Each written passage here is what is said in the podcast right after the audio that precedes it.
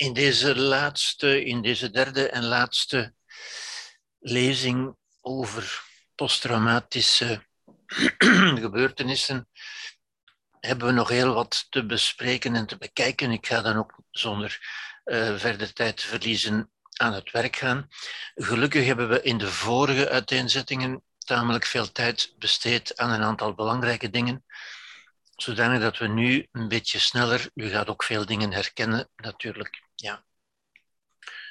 Dus laat ik meteen naar het volgende plaatje gaan. Dat is dit, onze inhoudsopgave.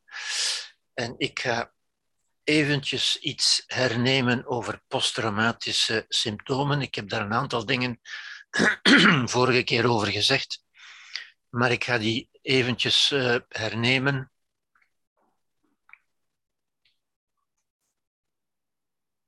Althans, een aantal dingen.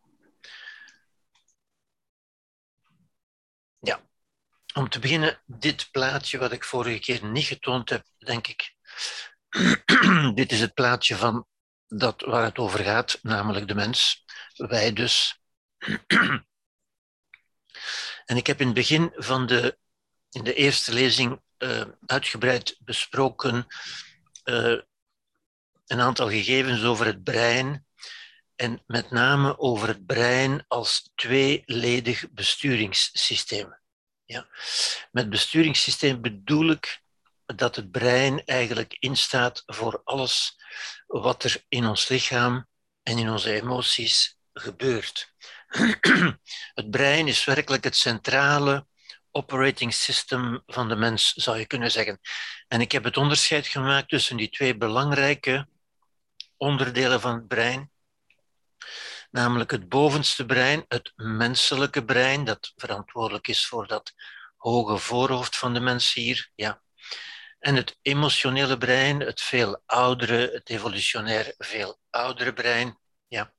En die twee ervaren wij ook vaak als afzonderlijke instanties in ons. En dat maakt het complex soms voor ons om te weten wat er eigenlijk aan de hand is. Vandaar ook die die eenvoudige indeling die ik heb gegeven, eigenlijk is dat alles wat u daarvan moet weten. En wat symptomen betreft kunnen we zeggen, uh, dus dit is het, het, het, menselijk lichaam, zou je kunnen zeggen, in het heel klein. Dus dat brein stuurt, zoals ik u heb gezegd, vanuit het bovenste brein, vanuit het narratieve brein, stuurt dat het emotionele brein en dat stuurt op zijn beurt het hele lichaam via die hier schematisch voorgestelde zenuwbanen in, die naar het hele lichaam gaan. En, en zo heeft het brein ook weet van wat er in het hele lichaam gebeurt, want er stromen ook signalen terug naar het brein. Dus het brein is, is voortdurend in verbinding met het hele lichaam. Ja? Nu, als er een sprake is van een trauma, dan komt, dan komt die tweeledigheid eigenlijk goed tot uiting. En daarom was het ook belangrijk van daarbij stil te staan. Want een trauma doet iets om te beginnen aan ons narratieve brein. En voor wie goed heeft opgelet, weet dat ik nu iets heb gezegd dat eigenlijk niet waar is maar wat men meestal wel zo zegt. Men zegt dat trauma doet iets aan mijn brein. Aan mij, maar dat wil zeggen aan mijn brein natuurlijk. Ja. Nu, ik heb u gezegd, dat is eigenlijk niet waar. Een trauma doet eigenlijk niets. Het zijn wij die iets doen met die gebeurtenis die we een trauma noemen. Ja? En daarmee doen we iets om te beginnen in ons narratieve brein, en wat we daarmee doen in ons narratieve brein is van die gebeurtenis omzetten, de informatieverwerking, weet u nog, ja, die we omzetten in een cognitief aspect. Ja, dat wil zeggen in onze taal, in ons spreken, in ons denken, in het verhaal dat we over onszelf vertellen. Ja. In ons lijden ook. Ons lijden hebben we vorige keer uh, uitgebreid besproken lijden is ook in ons, in ons brein, in ons bewustzijn. Ja. Dat is in wat mensen noemen het hoofd. Ja, mensen noemen dat het hoofd. Ja. In het hoofd zitten, zeggen de mensen soms. U kent die uitspraak natuurlijk. Of mensen zeggen ook wel eens, ja, het zit tussen de oren. En dat is ook zo, want het, zit, het brein zit tussen de oren, inderdaad. Ja. Het brein zit in onze schedeldoos. Ja. En dat is waar alles zich afspeelt. Ja. Ook het lijden, ook ons verhaal zit daar, ons ik. Ja. En daarmee doen we iets met de gebeurtenissen die wij waarnemen en waar wij, waar wij iets mee doen. De gebeurtenissen op zich doen niets met ons. En dat is weer een beetje contra-intuïtief, want we zijn zo gewend van te denken dat dat iets met ons doet. Ja? Nu, dat is het ene aspect. Er is ook het andere aspect. Dat trauma wordt ook waargenomen door ons emotionele brein, dat daar ook iets mee zal doen, natuurlijk. Ja? En wat gaat dat daarmee doen? Ook dat zijn wij natuurlijk. Ja? Wel, dat veroorzaakt, het emotionele brein veroorzaakt somatische, dat wil zeggen in het lichaam, ja, lichamelijke gewaarwordingen, tekens, signalen, ja, symptomen, eventueel pijn. Ja, de symptomen zien we ook in het, in het lichaam, ja, maar die worden aangestuurd door het brein. Dat is niet in het lichaam als dusdanig. Dat is niet het lichaam dat spreekt, zoals de mensen dat dan vaak zeggen. Ook dat komt uit ons brein, maar wel uit het diepere gedeelte, het oudere gedeelte van ons brein natuurlijk. Ja. Daar zit ook, dat is ook verantwoordelijk voor het ongewenst gedrag, voor de non-verbale taal, dat zijn de tekens van ons lichaam. En dat is wat we doorgaans noemen het lichaam of wat mensen het lichaam noemen, omdat we dat waarnemen in het lichaam. Maar dus u ziet hier, dat is niet het lichaam dat spreekt of het lichaam dat, dat zich uit, dat, is, dat komt uit ons brein. En het lichaam reageert op de tekens, de signalen uit het brein. Dus dat zit, wat we noemen het lichaam, is in feite ons bewustzijn van het lichaam dat kunnen we maar bewust van zijn door ons brein. Ook dat zijn patronen in het brein, waardoor wij gaan denken dat het in ons lichaam zit. In ons hart bijvoorbeeld, zoals vele mensen denken, waar de emoties zouden zitten. Ja? Maar dat zit essentieel in het brein. Essentieel. Dus als mensen zeggen het zit tussen de oren, dan hebben ze gelijk. Het zit inderdaad tussen de oren. Maar men suggereert daarbij, en ook dat is een stukje hypnose van de taal natuurlijk, men suggereert daarbij dat het maar tussen de oren zit en dus niet zo echt zou zijn. Terwijl ik er de nadruk op leg dat juist tussen onze oren het meest echte zit waar wij mee leven. Het meest echte speelt zich af tussen de oren, niet in het lichaam. Het lichaam reageert op de signalen die het krijgt uit ons centrale besturingssysteem, uit het brein, met die twee afdelingen hier. Ja? Oké, ik kom daar straks op terug, want dit schema gaan we nog gebruiken natuurlijk, maar u ziet, ik heb dat vorige in de eerste lezing uitgebreid uitgelegd, dus ik kan het nu makkelijk uh, terug gebruiken natuurlijk. Er zijn natuurlijk interacties, uh, ook in het brein, die twee delen zijn niet totaal van elkaar gescheiden. Die interageren, die spelen ook in op elkaar natuurlijk. En er zijn ook interacties tussen de uitingen. Ja? Wat ik aangeef met deze pijlen in stippenlijnen. Wat het een beetje complexer maakt, maar essentieel is dat, dat er die twee afdelingen zijn in het brein die elk op hun manier zullen omgaan met gebeurtenissen die we een trauma noemen, ja? Uh, die in feite gebeurtenissen zijn die op zich niets doen. Wij doen daar iets mee. En wel op twee manieren, zoals we gaan, gaan zeggen. Ja? Ik hoop dat dat duidelijk is voor Iedereen, dat schema komt straks nog een keertje terug. Ja. Goed, wat zijn de somatische gevolgen? En met somatische gevolgen bedoelen we dus dat wat zogezegd het lichaam is, tussen aanhalingstekens. Ja? Maar dat betekent dus in ons oude brein. Want dat zijn meestal de gevolgen die het meest op de voorgrond staan, die het meest opvallen in feite. Ja? Nu, we kunnen zeggen, een getraumatiseerd persoon is als, in zekere zin als gevangen in een soort overlevingsmodus. En dat is normaal, want dat is waar ons oude brein ook voor dient. Ja? Het oude brein dient, het emotionele brein, onze emoties dus, dienen essentieel om onze overleving te bevorderen en, en te beveiligen. Ja?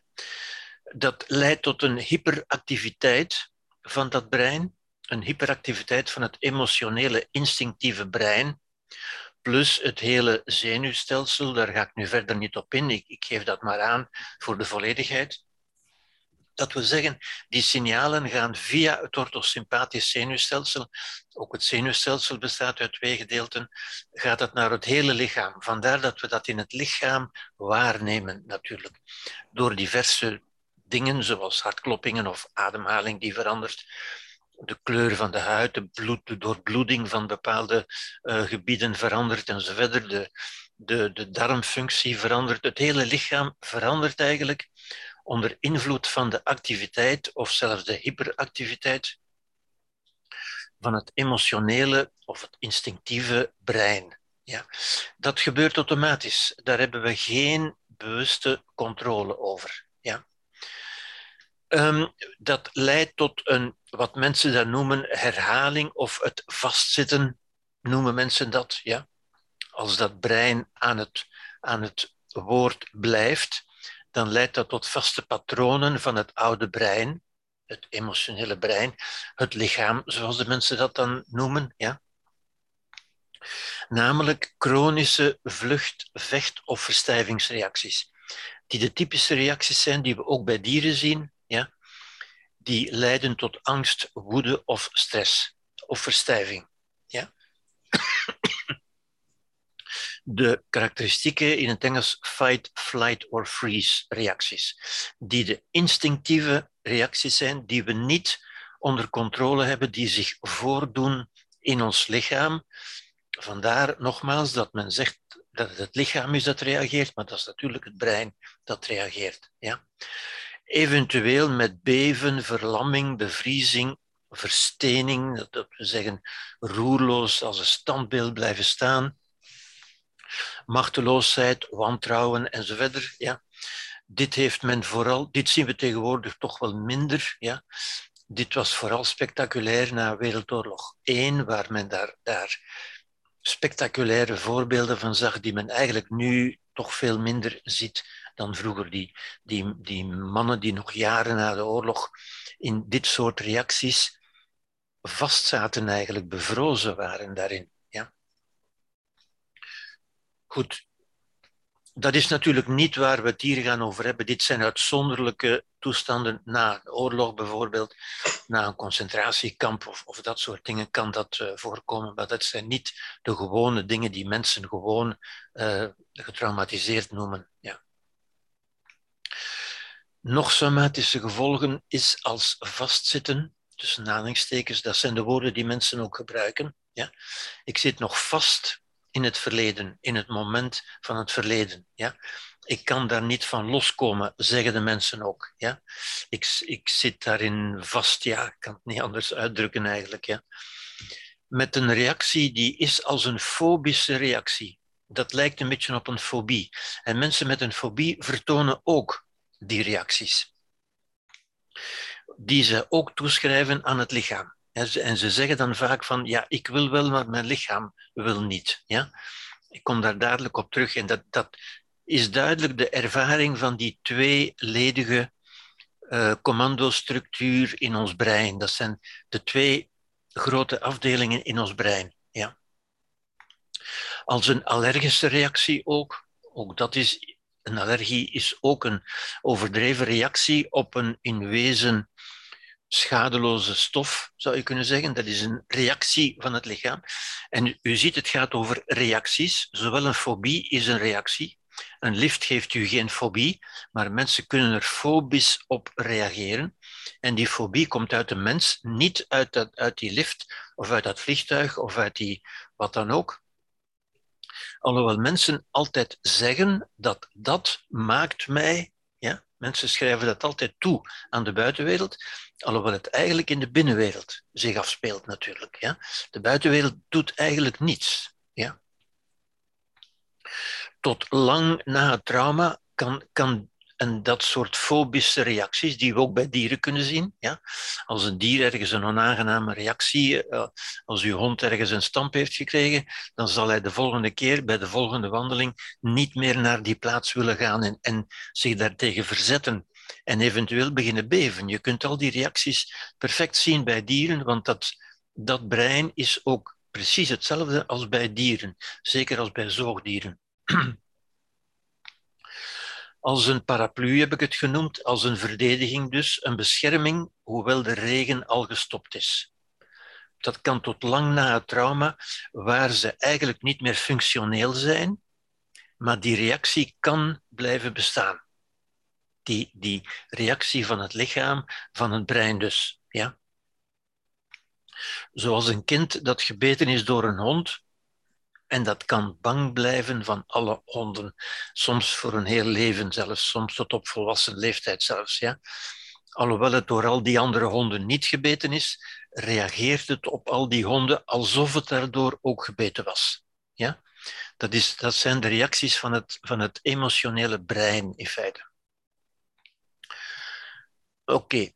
Ehm, somatische gevolgen nog. Het gaat hier om functionele gevolgen.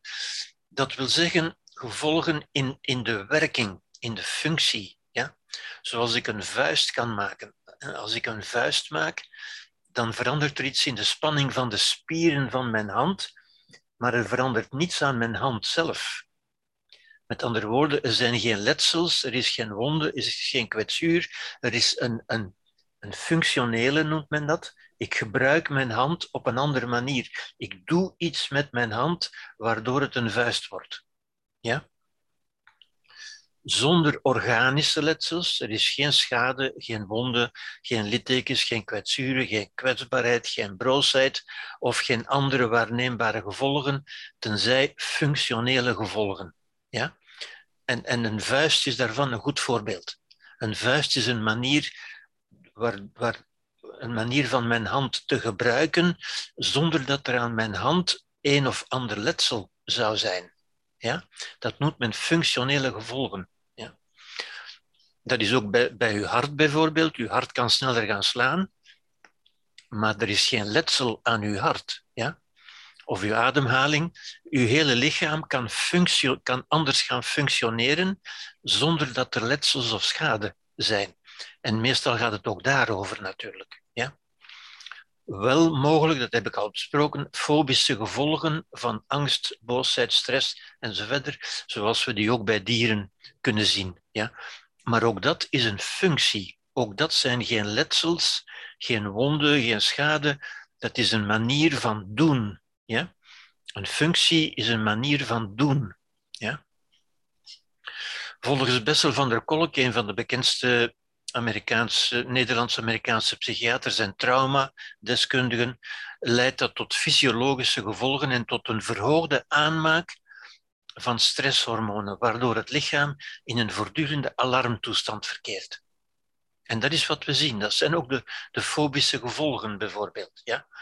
Maar dat zijn op zich geen organische letsels, geen wonden, geen kwetsuren enzovoort. Ook niet in het lichaam. Ja? Nog minder in de geest natuurlijk, maar goed. Oké. De psychische gevolgen, wat mensen dan het hoofd noemen, ja, alsof het hoofd geen deel van het lichaam zou zijn. Ja. Maar mensen spreken dan van in je hoofd zitten en in je lichaam zitten enzovoort. Ja.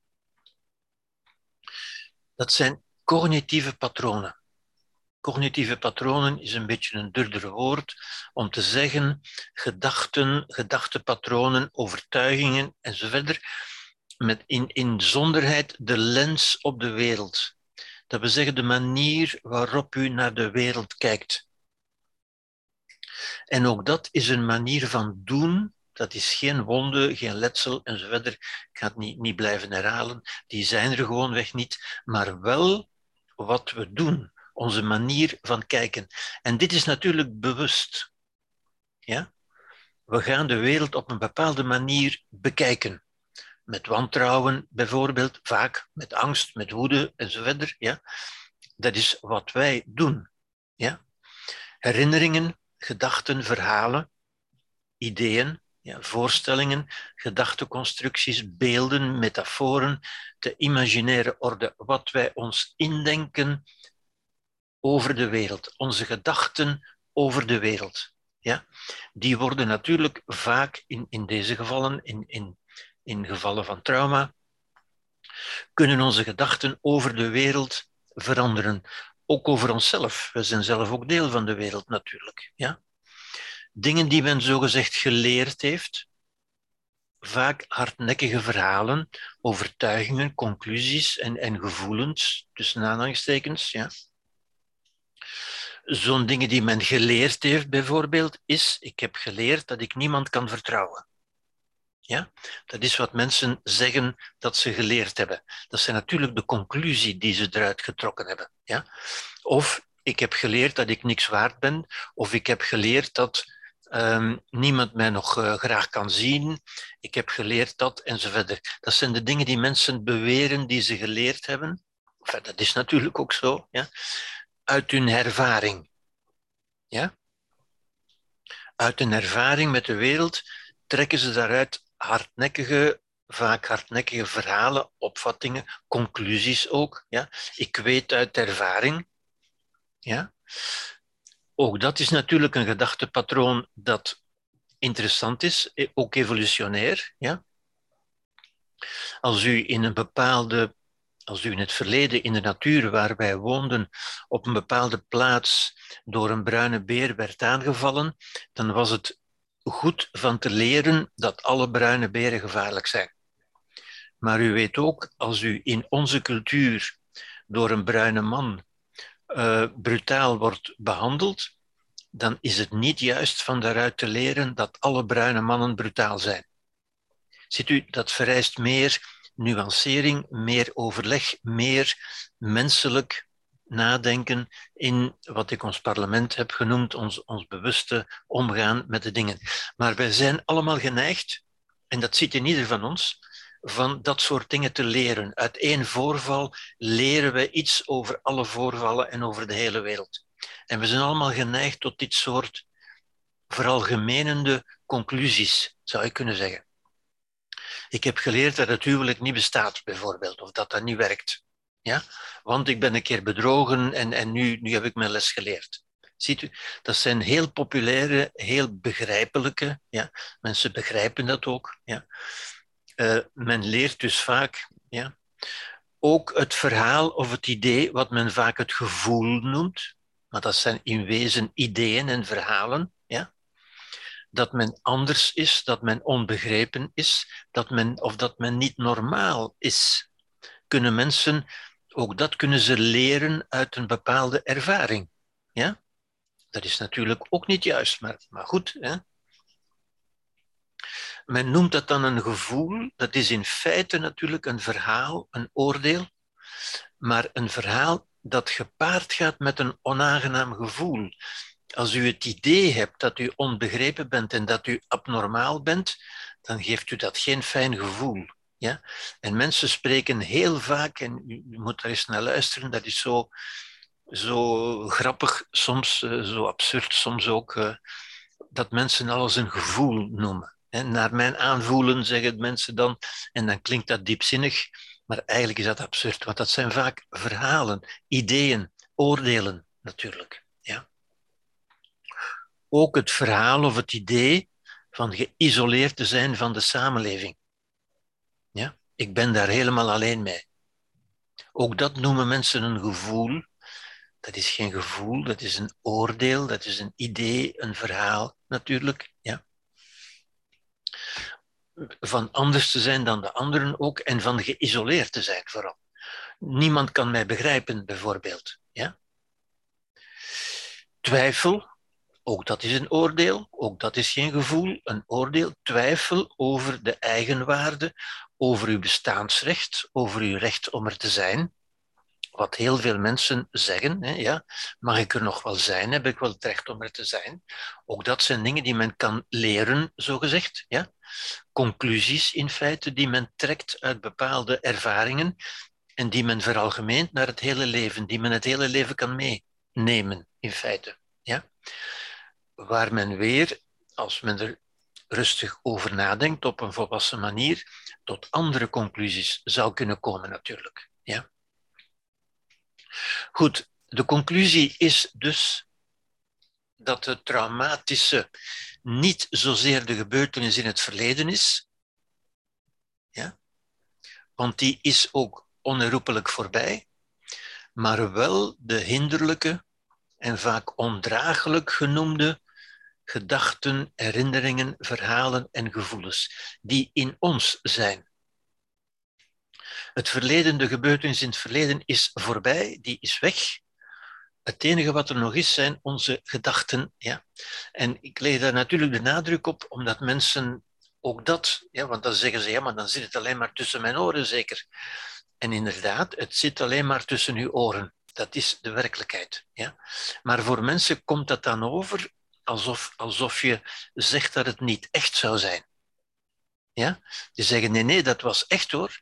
Ja, die gebeurtenis was echt in het verleden. Maar het enige wat nu echt is, zijn de hinderlijke gedachten, herinneringen, verhalen en gevoelens in het brein, in uw bewustzijn. En dus tussen uw oren, als u wil. Ja. Die vaak, vaak onbewust, die vastgehouden worden, vaak onbewust, om niet te zeggen bijna altijd onbewust, en meegenomen worden in het huidige moment. En daarom zeggen mensen ook, nee, dat is, dat is echt, want ik voel dat toch. Ja, natuurlijk. Ja. Maar wat ze voelen, zijn hun gedachten, hun verhalen, hun, hun herinneringen enzovoort. Men voelt niet de feiten in het verleden, men voelt wel de gedachten, de herinneringen over de feiten in het verleden. Ja? Maar ziet u, het feit dat mensen zeggen van ik voel dat toch, betekent voor hen dat dat echt was. Ja? Nu, ik denk, er is niets echter dan wat u voelt, maar dat zit inderdaad tussen uw oren. Het meest echte zit bij ons tussen de oren. Ja? Mhm.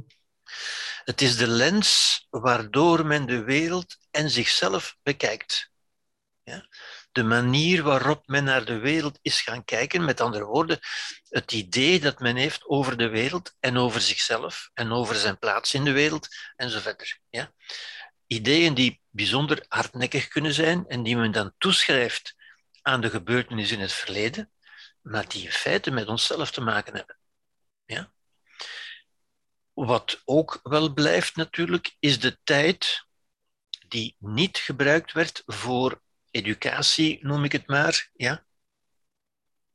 Dat is vooral voor mensen die, die in een chronische, in een langdurige toestand van ja, van trauma, van, van, van misbruik, van, van, van, on, uh, van grensoverschrijdende gedragingen, zal ik maar zeggen. Ja.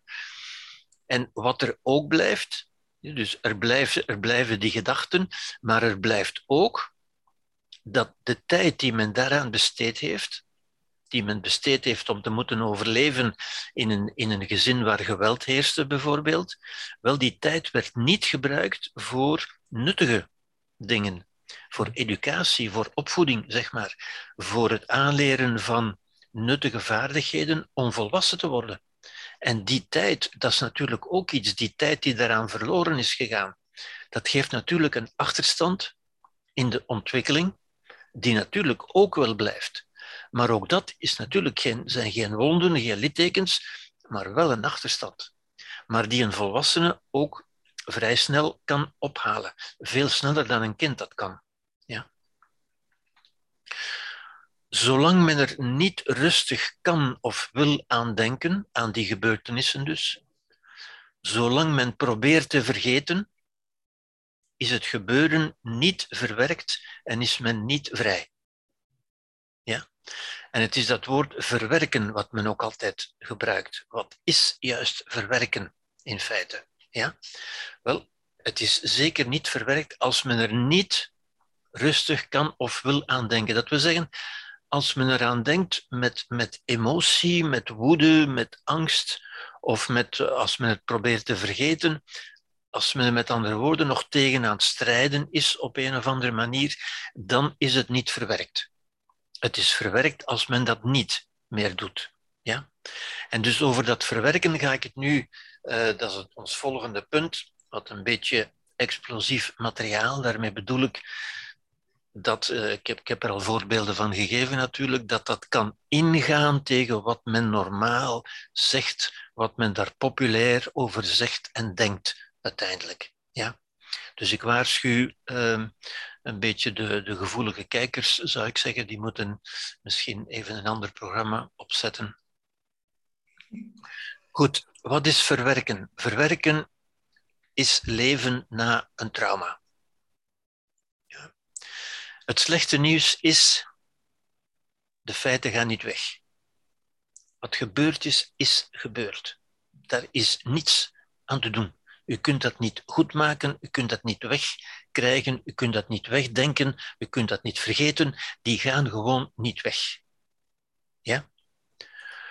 Het goede nieuws is, u kunt er anders mee omgaan en er in vrede mee leren leven. En het woordje vrede is natuurlijk belangrijk hier.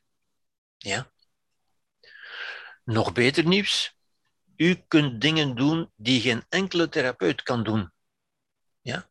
Want als dit in de picture komt, als het, als het over trauma gaat, wordt er al snel aan therapie gedacht en zo verder, zo, niet aan, aan farmaca. Maar het nog betere nieuws is dat u dingen kunt doen die geen enkele therapeut voor u kan doen.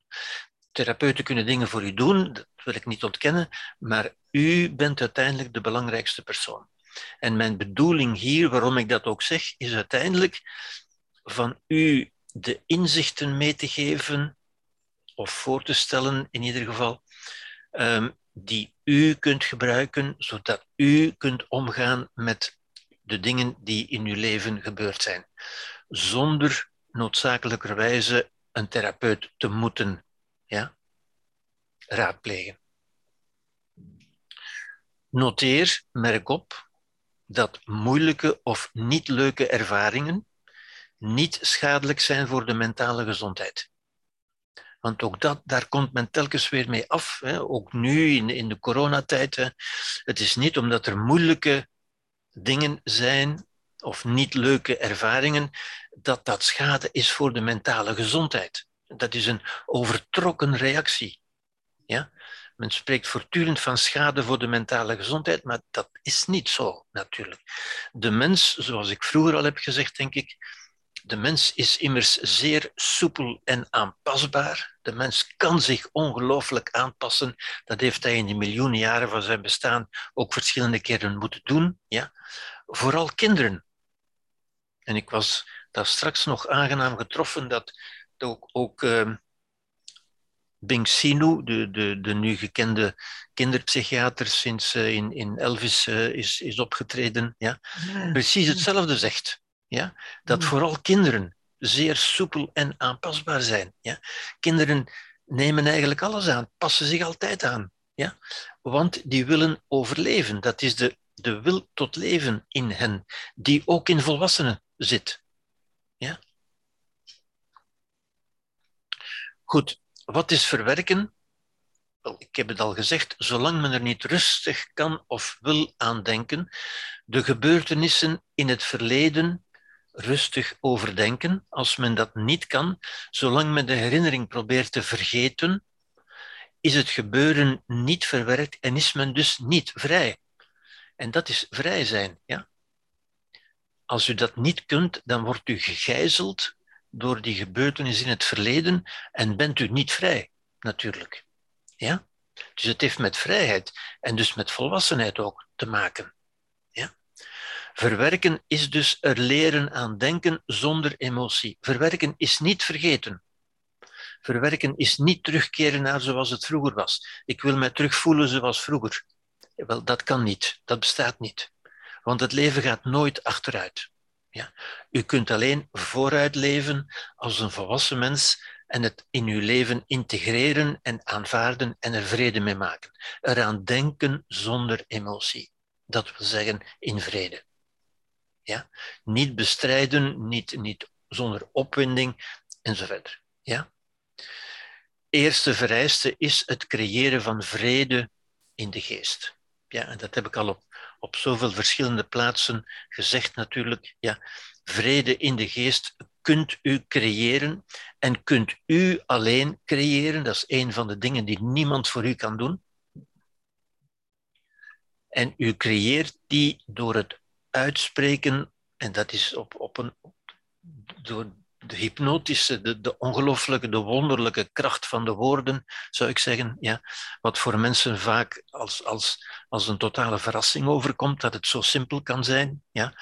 Wel, u creëert vrede in uw geest door het uitspreken van de woorden voor uzelf, in uw geest, luidop of niet luidop, ja. door het denken of door het uitspreken van de woorden, ik ben in vrede. Ja? En als u dat doet, en dat kunt u nu allemaal doen hier, wel, dan ervaart u ook, dan kunt, kan het niet anders zijn dan dat u in uw geest en bij gevolg ook in uw lichaam iets van ontspanning en van vrede ervaart. En dus dat kan niemand voor u doen. Ik kan u wel zeggen dat, dat u dat kunt, maar ik kan dat niet voor u doen. Ja? En het is pas als u dat zelf gaat doen, dat u zult ondervinden dat dat kan. Ja? En ik zou zeggen, dat is de eerste vereiste om uit dat moeras, dat, dat, dat lijden van het trauma uit te stappen. Ja? Kan dat? Ja, u kunt dat. Ja. Goed. Bewustwording dus dat heeft met bewustwording te maken dat je bent niet je verleden, je bent niet je trauma's, dat is niet wat je bent. Ja? Dat is, natuurlijk, dat is niet het verleden of de trauma's ontkennen. Dat is alleen beseffen dat dat niet is wat je bent. Dat is iets wat zich in jouw leven heeft voorgedaan, maar dat is niet wat je bent. Ja? Een mens wordt niet gemaakt ik heb het er net ook gezegd, maar ik kan het eigenlijk niet genoeg zeggen, door de feiten of patronen uit het verleden. Die feiten zelf zijn gelukkig. En als u daar het woordje gelukkig bij denkt, wordt het al helemaal anders. Gelukkig is dat voorbij. Zeker als ze ernstig waren, is dat gelukkig voorbij. Maar worden niet uitgewist of vergeten. U kunt dat niet vergeten. Belangrijke dingen vergeten wij nooit dat is hopeloos. Als u rekent op het vergeten, dat is hopeloos. Maar als de feiten de oorzaak van uw gedrag zouden zijn, dan zou men voor eeuwig moeten lijden, want de feiten kunnen niet meer veranderd worden. Gelukkig wordt u niet gemaakt door de feiten, maar door uw idee over de feiten. Alleen de voorstelling, het verhaal, de conclusie, de lens waardoor men naar de wereld kijkt, die blijft. En dat is wat uw leven nu bepaalt, maakt als u wil. Maar dat is wat er nu in u aanwezig is. Dat is niet het verleden. U leidt niet onder het verleden. U leidt onder uw verhaal, uw conclusie, uw lens waardoor u naar de wereld kijkt die doet u lijden of niet lijden, maar niet het verleden. Het verleden is voorbij en heeft geen macht meer. Die lens, zoals ik ook al heb gezegd, die manier van kijken dus, werd mee bepaald en in grote mate bepaald door de omgeving, zeker bij kinderen. En dat is van ongelooflijk belang, ja?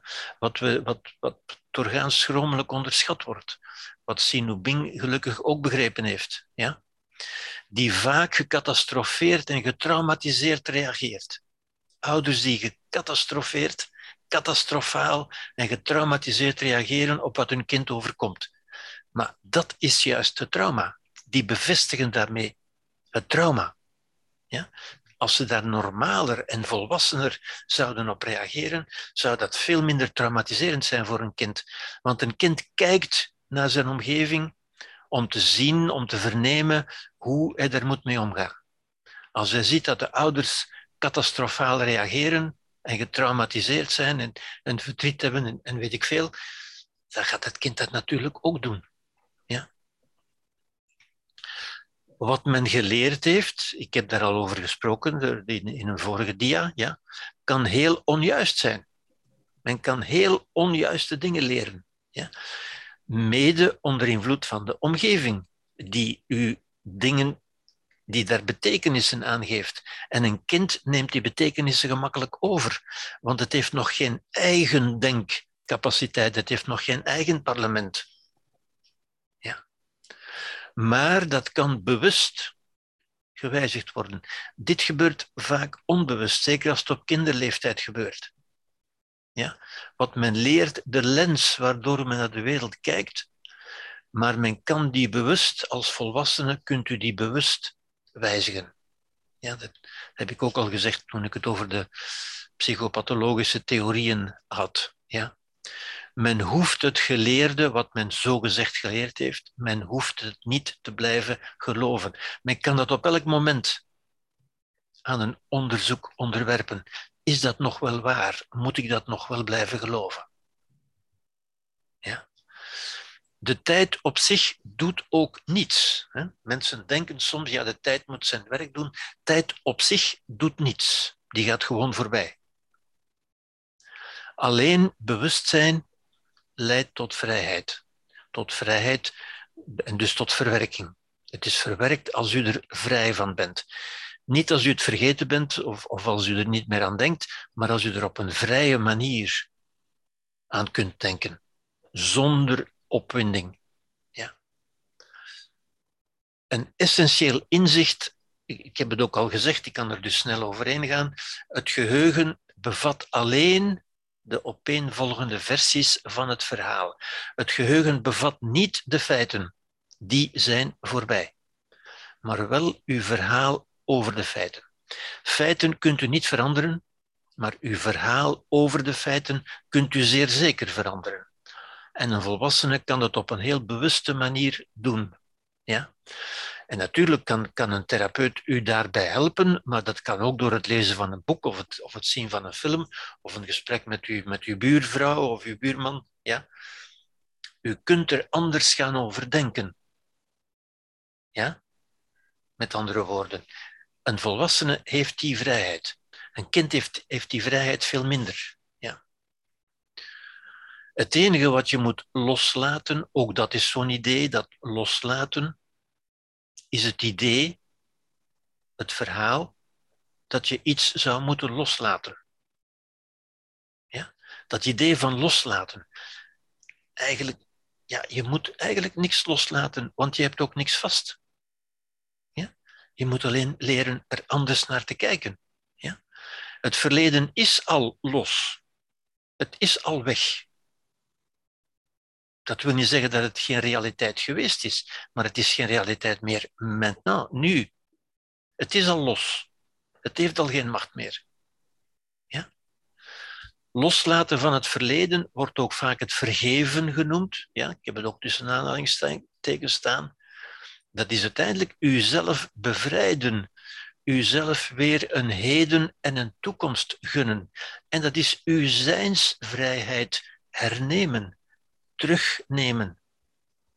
Uw zijnsvrijheid die u altijd gehad hebt, die u nooit kwijt bent geweest. U bent er alleen niet bewust van geweest.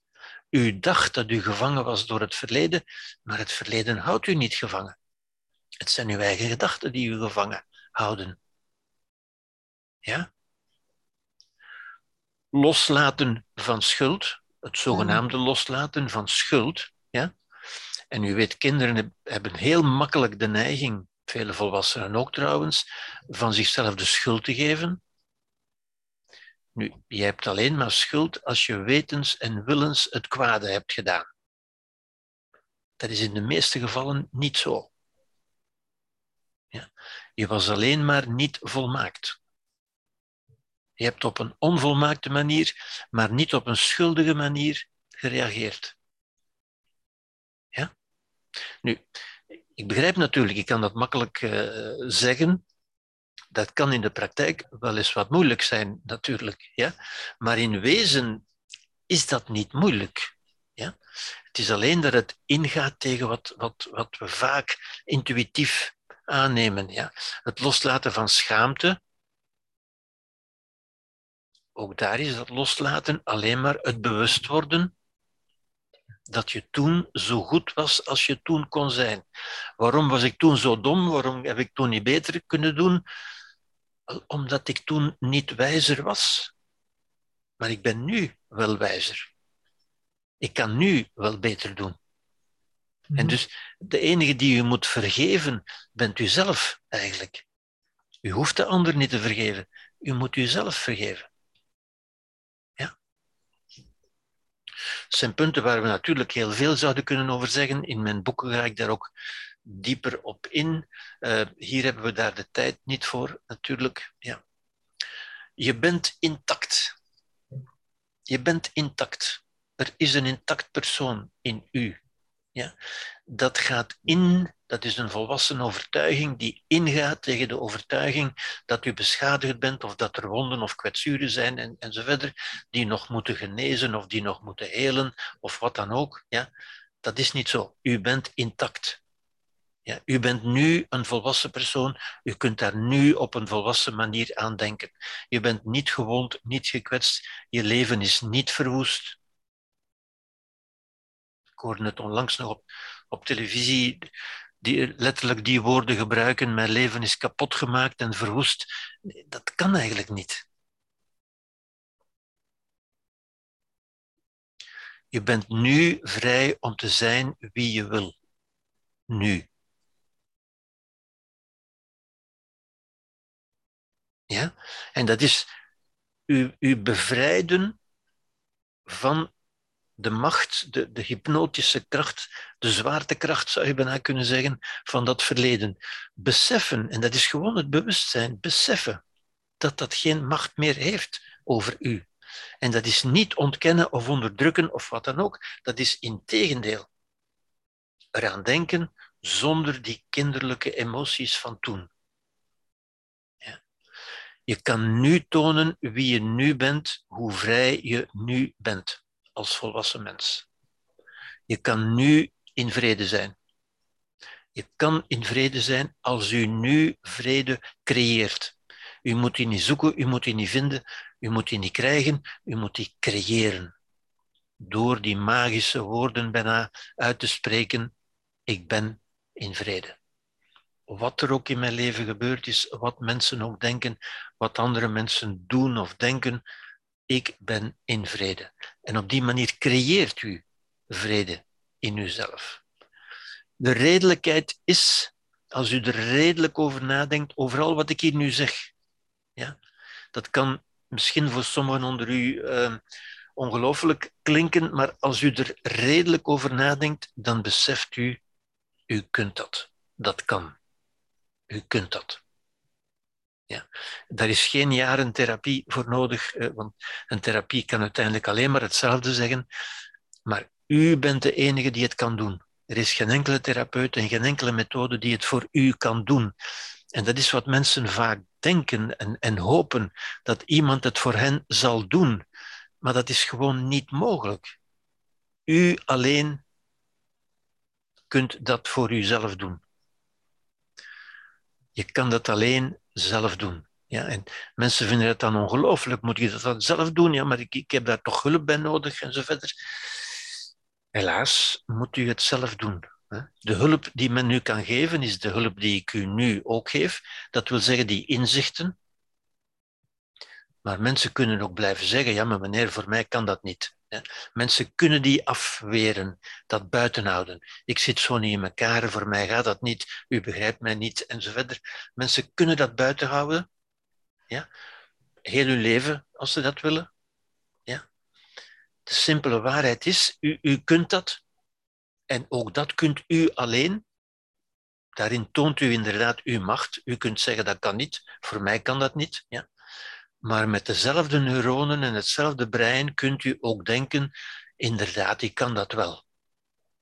Ja? En dat is de stap die u alleen kunt zetten. Geen enkele therapeut, geen enkele methode, ik zeg het nog eens een keer, kan dat voor u doen. Ja. Goed, wat je niet nodig hebt, hebben we natuurlijk ook al voor een stuk gezegd, hè, dat is wrok, het beschuldigen, het zinnen op wraak, die uiteindelijk neerkomen op zelfkwelling. U kwelt daarmee uzelf. U kwelt niet de ander, u kwelt uzelf. U kwelt ook niet het leven of de gebeurtenissen, u kwelt uzelf. En als u ook dat gaat beseffen, dan kunt u daar, ja, ik zou zeggen, op een eenvoudige manier eh, zeggen: ik stop daarmee. Het is te dwaas, het is te idioot eigenlijk. Ja. Maar mensen vinden dat zo echt. Ja? En zeggen: ik kan dat niet loslaten en ik kan dat niet en zo verder. Ja? En, en daardoor overtuigen ze zichzelf natuurlijk en houden ze hun verhaal koppig in stand. Nee, dat kan niet, want dat was zo erg, ik kan dat niet. Ja? Het is als gif drinken, uzelf kwellen door gif te drinken en hopen dat de ander zal sterven. Ja. De Boeddha zei ook, wrok koesteren is als een gloeiende kool nemen om naar de ander te gooien maar voor u hem hebt gegooid, bent u zelf al verbrand. Ja. Dus het is, het is een eindeloze zelfkwelling. Dit is echt lijden. Hè? Dit is lijden. En dat is heel echt. Hè? Dat, is niet, dat zit tussen de oren. Het zit natuurlijk tussen de oren, maar het is wel het meest echte wat er is. Het meest echte zit voor ons tussen de oren. Dat is niet het verleden dat u kwelt, niet de anderen, niet uw ouders, niet, niet uh, u kwelt uzelf. Ja. Gerechtigheid en bestraffing van de dader, dat horen we ook vaak natuurlijk, dat u dat nodig zou hebben. Dat is natuurlijk niet nodig. Althans niet voor u, voor de betrokkenen. Ja? Dat is nodig voor de samenleving. Ja? Dat is een taak van de samenleving, van justitie. Om de samenleving ordelijk en rechtvaardig te doen verlopen, maar niet als genoegdoening van de benadeelde partij. En ook dat is een ongelooflijk misverstand. En men ziet ook voortdurend de benadeelde partijen in de, in de gerechtszaal zitten om te kijken eh, of de, of de dader wel voldoende bestraft wordt. En dan vraagt men aan de, aan de benadeelden, de zogenaamde slachtoffers, de benadeelden, of ze, of ze daar wel mee kunnen leven, of ze daarmee genoeg doening kunnen nemen. Ja? Dat is een pervertering uiteindelijk. Ja? Daar gaat het niet om. Maar ook dat wordt bevestigd door de samenleving, door de advocaten natuurlijk. Ja? Ja. Erkenning, wat ook veel mensen denken, wat ook gezegd wordt, dat is nodig. Ik zou zeggen dat is aangenaam, maar niet nodig. U kunt dit doen ongeacht of iemand u erkent of niet die erkenning hebt u niet nodig. Ja? Maar ook dat is een, een, een, een, een hardnekkig idee, een hardnekkig gevoel, zeggen mensen dan ook, maar dat is een idee natuurlijk. Ja? Dat, dat u door de erkenning van anderen, ja, ook, als dat door, ook als de dader bestraft zou zijn en als het erkend wordt door justitie en zo verder, is uw lijden nog niet over. En dat stellen mensen vaak op een onaangename manier vast. Ja? Men hoopt dat door de bestraffing van de dader en door de genoegdoening en door de erkenning, dat dat tot een beter leven zal leiden. Maar nee, dan moet het nog beginnen, uiteindelijk. Ja? En u moet daar van de andere kant ook niet op wachten. Dat is niet uw taak. De dader bestraffen, als u dat wil doen, dan is dat wraak. Als de samenleving dat doet, dan is dat rechtvaardigheid. En dat is de taak van de samenleving. Niet van u persoonlijk. U zou in wezen niet meer naar die, naar die uh, gerechtszaken moeten naartoe gaan. Dat creëert valse verwachtingen. U begrijpt, daar zou ik allemaal veel meer kunnen over zeggen. En daar kunnen we natuurlijk veel meer over zeggen, maar we hebben daar de tijd niet voor natuurlijk. Ja. Goed. na het, dat is een vraag die iemand mij stelde in het begin, na het verwerken, het oplossen van een trauma, ervaart men vaak een leegte. Ja? En dat is omdat, merkwaardig genoeg, ook als men lang met een trauma heeft geleefd, dan wordt ook dat ervaren als een verlies. Merkwaardig genoeg. Een verlies, namelijk een leegte. Er was iets dat er nu niet meer is, zelfs als dat een trauma was. Ja. Want een trauma, men is niet langer gegijzeld door emoties, men wordt niet langer in beslag genomen, men is niet langer bezig met die emoties. Ja? En ziet u, dan komt er tijd vrij en energie vrij. En wat ga ik daar nu mee doen? Ja? Men verliest bovendien zijn identiteit, zijn speciaalheid. Want nogal wat mensen die een trauma hebben meegemaakt, ja, identificeren zich daarmee met dat trauma. Dat, is wie ik ben. En als dat dan verdwijnt, als het opgelost is, ja, of als de dader gestraft is, dan stelt men vast van ja, maar nu, nu, nu, wat moet ik nu doen? Nu heb ik een leegte. Ja? Als het hele leven gestructureerd is geweest rond dat trauma, rond het slachtoffer zijn en zo verder, en dat verdwijnt op een of andere manier, wel, dan, dan verliest men iets, inderdaad. Dan is er iets niet meer dat er eerst was. En dat wordt dan ervaren als een leegte, ja? die men ook dan weer kan afschuiven op het trauma, natuurlijk. Hè? Ja? En zo raken we er nooit uit. Ja. Er is wel het besef dat veel tijd verloren ging met verdriet of woede. Ja. Ook mensen zelf kunnen veel tijd verliezen met die ja, nutteloze emoties, zou ik zeggen. Ja. En ook dat is soms zuur om te beseffen, om, om, te begrijpen, om toe te geven ook. Ja? Dat men zoveel van zijn levenstijd opgeofferd heeft aan een idee, aan een trauma dat er al lang niet meer is. Ja? Vandaar dat mensen daar soms ook aan vasthouden. Ze houden vast aan hun identiteit. Van nee, ik ben nog niet geheeld en ik, mijn wonden zijn nog niet genezen en zo verder. Ja? Men, men houdt vast aan dat leven, in feite. Want anders, ja, dat andere dramatische woord, anders valt men in een leeg gat, natuurlijk. Ja. Het probleem is inderdaad, wat nu? En wat nu is, ik moet nog steeds een toekomst voor mezelf creëren. Want het is niet doordat u niet meer aan het verleden denkt, dat u plots een toekomst hebt. En ook dat is iets buitengewoon belangrijks natuurlijk. Hè? Een toekomst en een zin in het leven. Een zinvol leven moet u nog altijd creëren. Ja? Blijven lijden is vaak gemakkelijker en verleidelijker. Ja? Want dan had alles zijn vaste betekenis en zijn vaste plaats. Ja? Wie geen toekomst ziet of creëert, een toekomst moet u creëren, u krijgt die niet, die wordt niet voor u gemaakt, u moet die voor uzelf maken. Ja? En u ziet, dat, dat is het echte drama volgens mij, de tijd dat u bezig bent met, u, met uw verleden te verwerken en met daar boos of angstig over te zijn, bent u niet bezig met uw toekomst, met de zin van uw leven. Ja? Ook dat zijn geen wonden en kwetsuren, hè, maar het, heeft wel ingrijpende gevolgen natuurlijk. Ja? En wie geen toekomst ziet, wendt zich tot of valt terug op het excuus van het verleden. En mensen zeggen dan vaak dingen zoals: Ik heb geen toekomst vanwege mijn verleden. Men heeft mij mijn toekomst ontnomen. Dat is onmogelijk. Zoals men onmogelijk onder het verleden kan lijden, kan men u onmogelijk uw toekomst ontnemen. Toch zijn dat dingen die mensen zeggen en die mensen koppig blijven herhalen. En dus voor zichzelf tot realiteit maken. Ja, en dan begrijpt u natuurlijk het, het dramatische van een dergelijk leven. Ja? In werkelijkheid is het, ik neem niet de verantwoordelijkheid om een zinvolle toekomst te creëren en daar beschuldig ik gemakshalve het verleden van.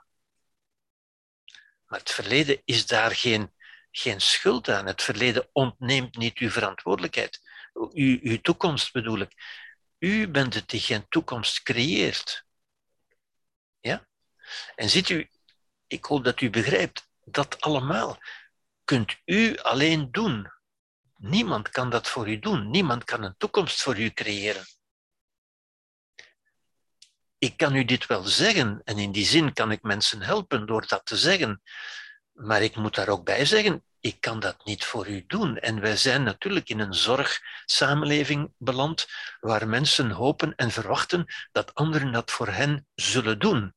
En dat is een beetje de, geest van deze tijd. Hè? Mensen, mensen gaan op zoek naar iemand die dat voor hen kan doen. Een therapeut of een methode of een geneesmiddel. Ze, ze zeggen niet, ik, ik zoek hoe ik zelf dat kan doen. Ik ben op zoek naar inzichten dat ik dat zelf kan doen. Nee, ik ben op zoek naar iemand die dat voor mij kan doen. Een hulpverlener, een zorgverstrekker. Ja.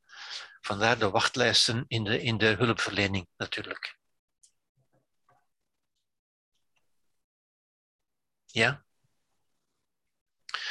Wie zich daarentegen naar de toekomst keert, als u zich met de toekomst gaat bezighouden, wel dan vergeet u vanzelf. Vergeten is een te groot woord, maar dan verdwijnt het verleden naar de achtergrond. Dan verdwijnt dat op zichzelf. U, hecht er, u geeft er uw aandacht niet meer aan. U hecht er geen belang meer aan, omdat u uw aandacht richt naar de toekomst. En dan verdwijnt het vanzelf. Dan verliest het aan belang. En ik hoop dat u ook hier snapt, dat is iets wat u alleen kunt doen. En dat kan geen opname, geen kliniek, geen, geen geneesmiddel kan dat voor u doen. Ja. Leven na een trauma is hetzelfde als leven zonder een trauma. Maar vereist een beetje meer nadenken, een beetje meer bewustzijn. Namelijk het bewustzijn van al die dingen die ik u nu heb gezegd tot nog toe. Ja? om elke dag iets te vinden om ja tegen te zeggen. Ja. Ik verwijs hier een beetje uh, naar Nelson Mandela, die zei: leven in de gevangenis is hetzelfde als leven buiten de gevangenis, namelijk elke dag iets vinden om ja tegen te zeggen. Elke dag een zin geven aan het leven. Elke dag een zinvol leven creëren. En dat is creatie. Hè? En dat kunt u, dat kan de betrokkenen alleen. Niemand kan dat voor u doen. Ja? Om in te zien dat je geen product bent van het verleden of van omstandigheden, maar van keuzes en beslissingen. Keuzes en beslissingen die door een kind, die vaak voor een kind gemaakt worden. Een kind heeft die keuzes niet natuurlijk, kan die keuzes niet maken, maar een volwassene wel. En u kunt die op elk moment, kunt u keuzes maken en beslissen. Kunt u kiezen, moet ik nog wel blijven geloven wat ik nu al zo lang geloofd heb? Of kan ik een andere, iets anders gaan geloven? Kan ik beslissen om mijn leven terug op te nemen? Ja? Om te veranderen moet je ophouden met verblind te zijn door wat er is of wat er was bijvoorbeeld door uw identiteit als slachtoffer, tussen aanhalingstekens, ja, die moet u opgeven. Dat bezig zijn met het verleden moet u opgeven om u te wenden naar de toekomst, om een leven te creëren nu. Kunt u dat? Ja, dat kunt u. En te beginnen zien wat er zou kunnen zijn wat u met uw leven zou kunnen doen van nu af aan. En dat kunt u op elk moment nog doen. De manier waarop je je leven beschrijft, is de manier waarop je leven creëert. Ja, wat u over uzelf zegt, met andere woorden, creëert het leven dat u hebt.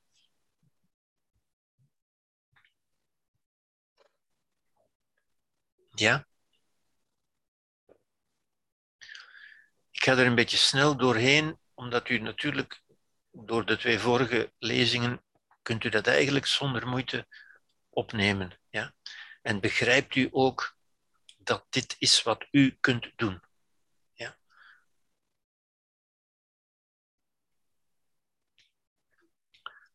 Goed. Men is niet verantwoordelijk. Ja? Mensen klagen vaak over de gedachten of de emoties die opkomen. U kunt niet beletten dat gedachten of emoties uit uw verleden, dat u daaraan denkt, dat die in uw bewustzijn opborrelen, dat die pop-ups zijn in uw bewustzijn. Dat kunt u niet beletten, dat kan niemand beletten. Dat, dat heeft te maken met het feit dat uw verleden niet verdwijnt. Uw trauma's verdwijnen niet. Wat gebeurd is, is gebeurd. En kan ook altijd terugkomen in gedachten. Dat is niet omdat dat u achtervolgt of, of omdat u dat niet kunt loslaten, maar omdat u er nog geen vrede mee gemaakt hebt. Ja. U bent niet verantwoordelijk voor gedachten of emoties die opkomen. U bent wel verantwoordelijk voor uw gedrag, wat u daarvoor doet. Voor gedrag is men altijd verantwoordelijk. Er is niets, uw verleden neemt niet de controle over uw spieren over, neemt niet, bepaalt niet uw gedrag. Uw gedrag bepaalt u altijd nu, zelf. De manier waarop u uzelf beschrijft, nu, is de manier waarop u uzelf creëert, nu. Wat u over uzelf zegt, en dat zit tussen uw oren natuurlijk, creëert uw idee van uzelf. En als u dat leest, als u dat hoort, en dat kan ik natuurlijk wel, ik kan dat tegen u zeggen, ik kan dat niet voor u doen, ik kan dat voor niemand doen. Ja? Maar als u dat leest, dan hoop ik dat u begrijpt dat u daar een grote beslissingsvrijheid in hebt als volwassene. Niet als kind, maar wel als volwassene. En dat ook geen enkele therapeut iets anders kan doen dan u dit uiteindelijk zeggen. Er is ook geen enkele therapeut die uw verleden kan in orde maken. Feiten doen niets op zich. Ik heb dat in het begin van deze lezing ook al gezegd. Feiten doen op zich niets. Feiten zijn er gewoon. Wij doen iets met de feiten. En ook dat, deze gedachten, als u daarop doordenkt, dat zijn eigenlijk diepe gedachten die, die, ja, die u doen inzien dat u vrij bent. Dat u iets doet met de feiten. De feiten doen met u niets. Zeker niet feiten in het verleden, die zijn voorbij. Die kunnen niks meer doen. Maar u kunt er iets mee doen. U kunt er nog iets blijven mee doen. U kunt dat doen zolang als u wil. Niemand kan u dat beletten. Maar u kunt daar ook mee stoppen, zou ik zeggen. Ja. Ik ben in vrede. De magische woorden. Die u altijd voor uzelf, wat er ook gebeurd is, welke gedachten of emoties ook opkomen, u kunt altijd zeggen: Ik ben in vrede.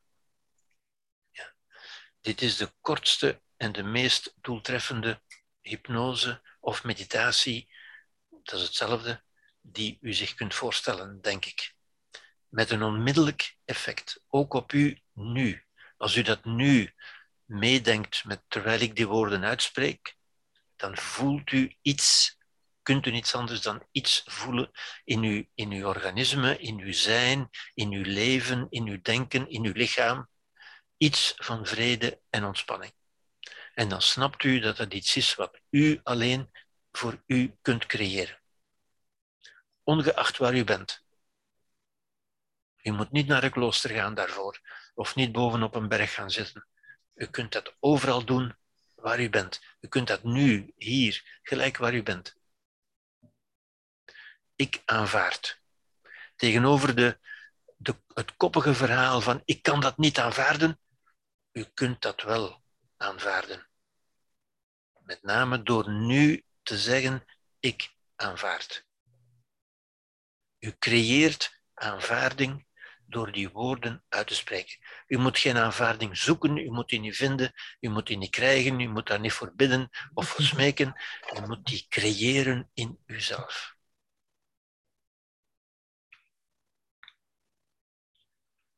Dit zijn van de belangrijkste dingen die ik u kan zeggen uiteindelijk. Ja?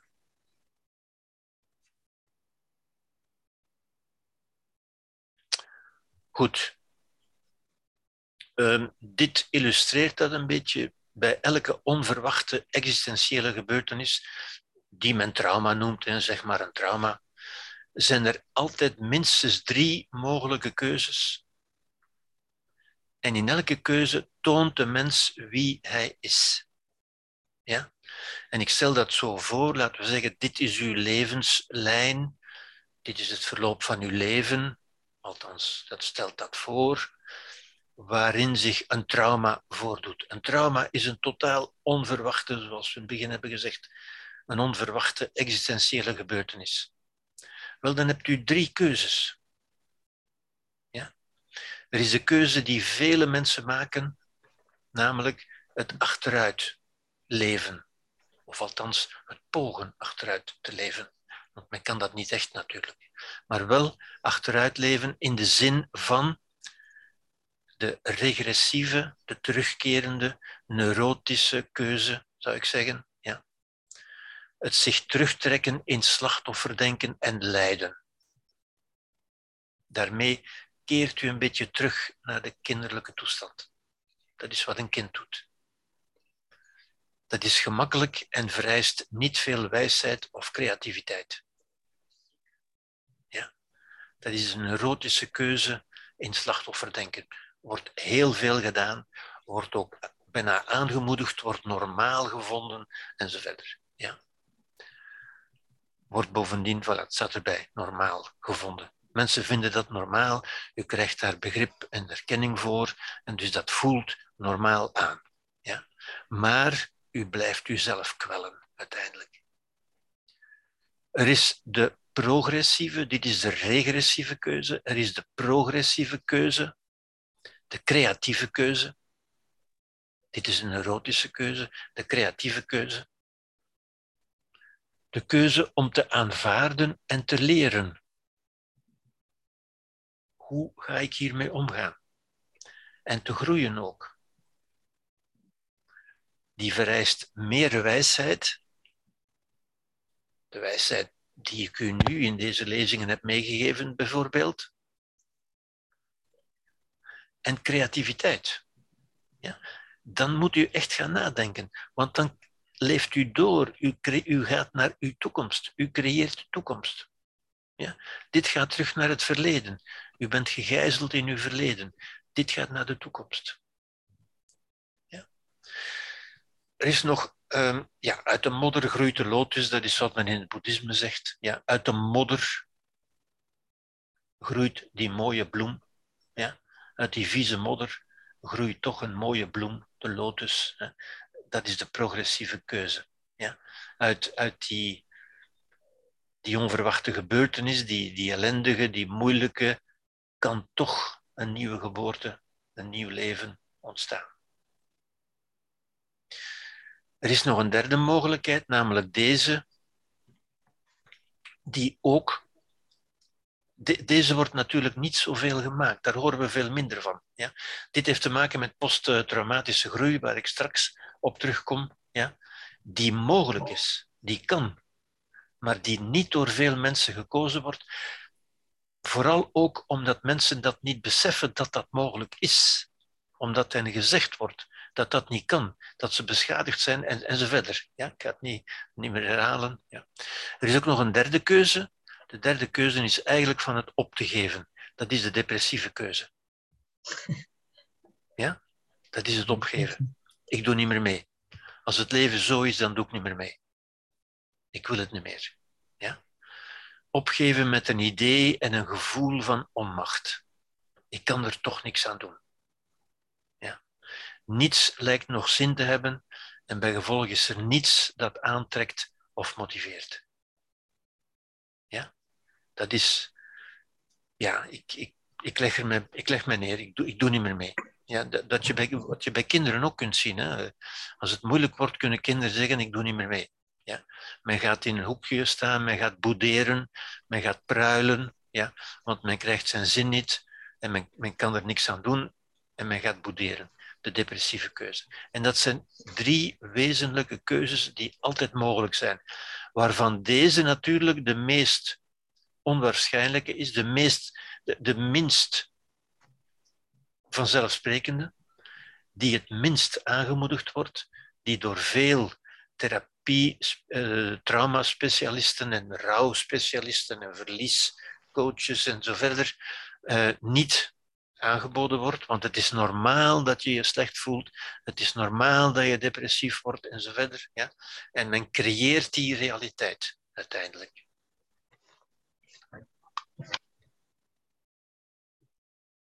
Ja? Het, voilà, hier staat het, het gangbare medische traumamodel.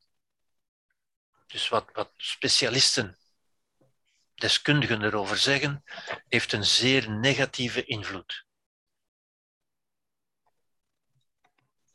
Vele mensen geloven dat ze na een ingrijpende gebeurtenis blijvend gekwetst of beschadigd zullen zijn en dat ze therapie nodig hebben. Dat is ook wat ons voortdurend wordt gezegd. Door deskundigen, door therapeuten, door specialisten, ja, door de overheid.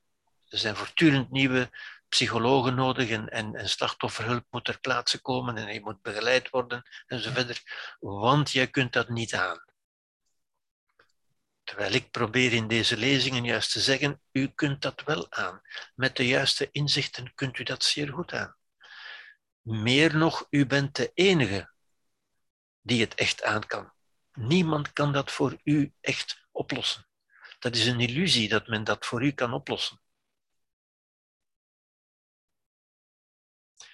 Dat is de gangbare retoriek en de logica. Dat zijn de woorden die we voortdurend horen. De woorden als slachtofferschap, kwetsuren, wonden, littekens, reparatie, genezing, herstel en heling. Ja, dat horen we voortdurend. En dat heeft een hypnotische werking op ons. Ja, het is bijna het is moeilijk, het is bijna onmogelijk zou ik zeggen. Het is moeilijk om, om door de zwaartekracht van die, van die retoriek niet aangezogen te worden. Om daar weerstand aan te bieden. Ja? Want het lijkt zo normaal. Dit lijkt toch abnormaal. Ja? En vooral wie niet onmiddellijk onderuit gaat, wordt door de omgeving, door de specialisten gewaarschuwd dat de echte klap nog wel zal komen. Wacht maar eens af, het zal nog wel komen, je zult het nog wel merken. Je zult je klap nog wel krijgen. Het wordt al voorspeld. Zoals men nu ook in de, in de corona-toestand, in, de, in de pandemie, voorspelt dat er psychische problemen gaan zijn. Van psychische gezondheid. Alsof moeilijke omstandigheden een oorzaak zijn van psychische ongezondheid. Dat is niet zo moeilijke omstandigheden maken nu juist lenig, zijn een training, zijn een oefening. Ja? Hetzelfde geldt trouwens voor het gangbare model van ziekte en genezing bij verslaving of depressie, maar daar ga ik nu uiteraard niet op in, dat is niet ons, uh, ons onderwerp, maar daar geldt hetzelfde. Wat gezegd wordt in de samenleving door de omstaanders die het allemaal weten, ja, die zeggen, ja, jij hebt hulp nodig, want je kunt dat niet alleen. Ja.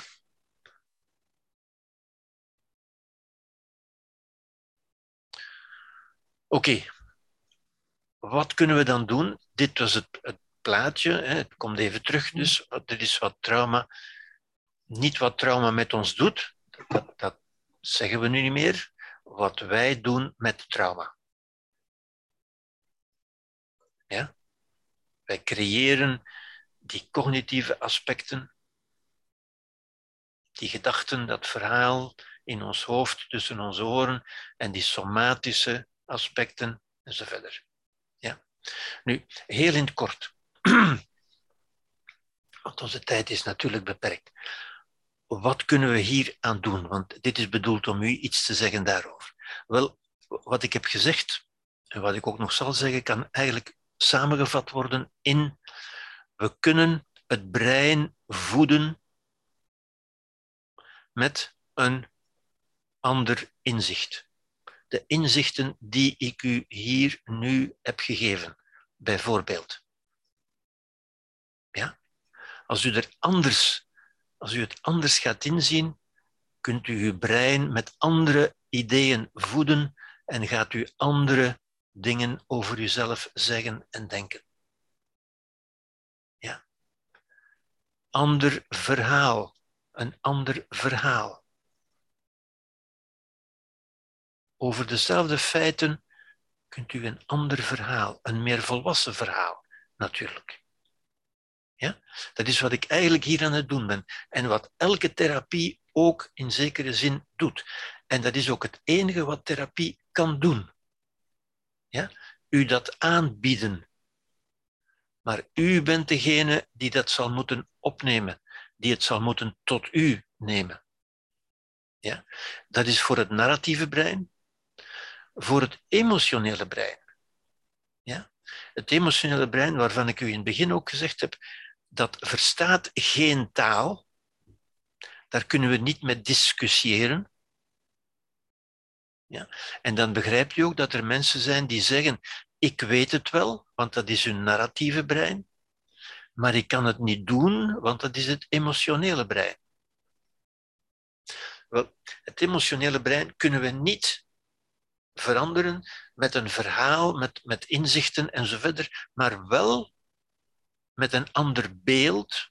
En nu bedoel ik letterlijk een beeld, een visualisatie,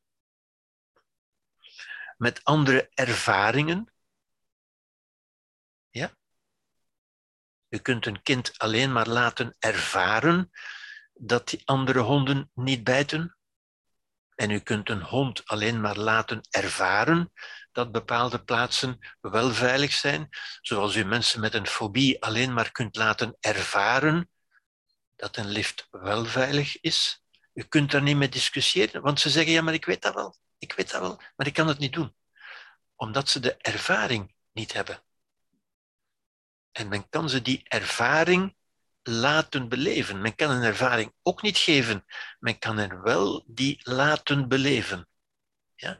Dat zijn natuurlijk therapeutische uh, trucjes, zou ik bijna zeggen, uh, maniertjes van doen, technieken met een groot woord, ja, die uiteindelijk bedoeld zijn om die ervaring mee te geven. De ervaring van, ik kan dat wel.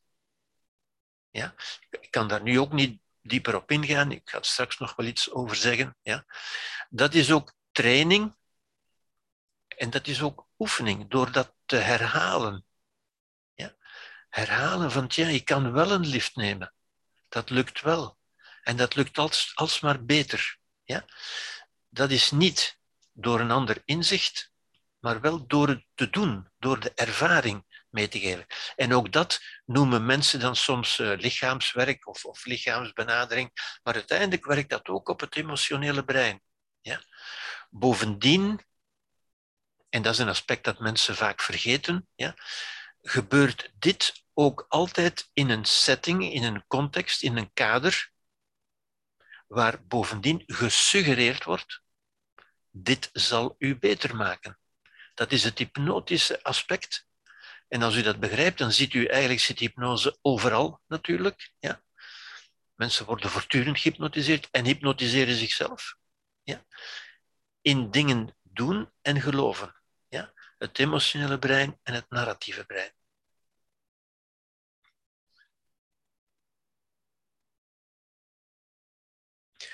zodanig dat uiteindelijk dit, u ziet, een beetje aan belang verliest. Ja. Niet verdwijnt. U kunt dat niet uitwissen. Het verdwijnt niet. Maar het heeft geen dominante positie meer. Het houdt u niet langer gevangen, omdat u met andere dingen bezig bent, omdat u zich anders voedt. U voedt uw brein met andere input, zou ik bijna zeggen, met ander voedsel. Ander geestelijk voedsel, ander denkvoedsel en ander emotioneel voedsel. Ja? En het brein gaat het natuurlijk doorgeven aan het lichaam. Het lichaam staat hieronder. Ja? En dit is in een notendop. Eigenlijk alles wat u moet weten over, over therapie, zou ik zeggen. Althans, om erover te denken. De, de, niet noodzakelijk om van u een therapeut te maken. Ik heb u daarmee niet alle technieken uitgelegd natuurlijk. Maar wel het idee. Wat kan therapie voor u doen? Wat kan therapie niet voor u doen? Wat kunt u alleen doen? Ja? Oké. Um, ik ga hier dit stukje afronden, want ik wil ook nog iets over het volgende stukje zeggen, natuurlijk. Um, we gaan hier onderbreken.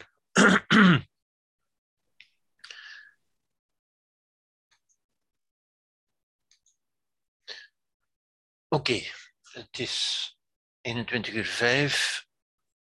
Ik ga nog even verder om u toch iets te zeggen over het laatste punt dat ook in de titel stond, wat u beloofd is en wat natuurlijk een uitermate boeiend punt is. Maar dat ook een beetje, zou ik zeggen, explosief materiaal is in, in die zin dat we daar eigenlijk weinig over horen, te weinig naar mijn mening, en daarom dat ik het ook wil, wil meegeven natuurlijk. Um, ik zie ondertussen hier in de chat uh, de vraag staan. Ik hoor u vaak zeggen, een kind kan dat niet. Ben je als kind dan gedoemd om met een trauma te blijven rondlopen tot je volwassen bent, tot jezelf de inzichten kan zoeken en vinden? Um, ik zou zeggen, het, het, het korte en dramatische antwoord is eigenlijk ja. ja. Een kind is inderdaad gedoemd. Ja. Ik zeg soms wel eens uh, ook, die, ook een dramatische uitspraak, maar die toch de realiteit reflecteert. Een kind heeft geen keuze. Het komt ter wereld bij mensen waarmee het opgesloten is, uiteindelijk. Ja en waar het niet kan ontsnappen, of heel moeilijk. Ja. En als het ontsnapt, is het vaak om in andere, al even moeilijke omstandigheden terecht te komen. En, en dat is de, ja, de, dramatiek van het leven, zou ik zeggen. De dramatiek van, van een kind. Dat is tragisch, dramatisch. En eigenlijk kunnen we daar niet veel aan doen. Ja. Ook al niet omdat een kind over het algemeen door de ouders als hun bezit wordt beschouwd, waar anderen niks over te zeggen hebben. Dat, dat zien we ook in de, in de tijd nu natuurlijk. Ja. Um, en een kind heeft daarin geen keuze. Dus is een kind gedoemd? Uh, ja, ik denk, ik denk eigenlijk ja. ja.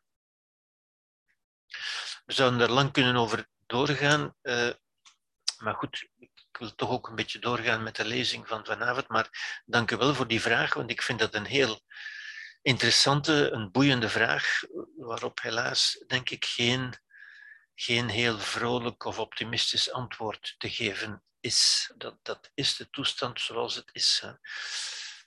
Ja. Oké, het laatste punt, posttraumatische groei.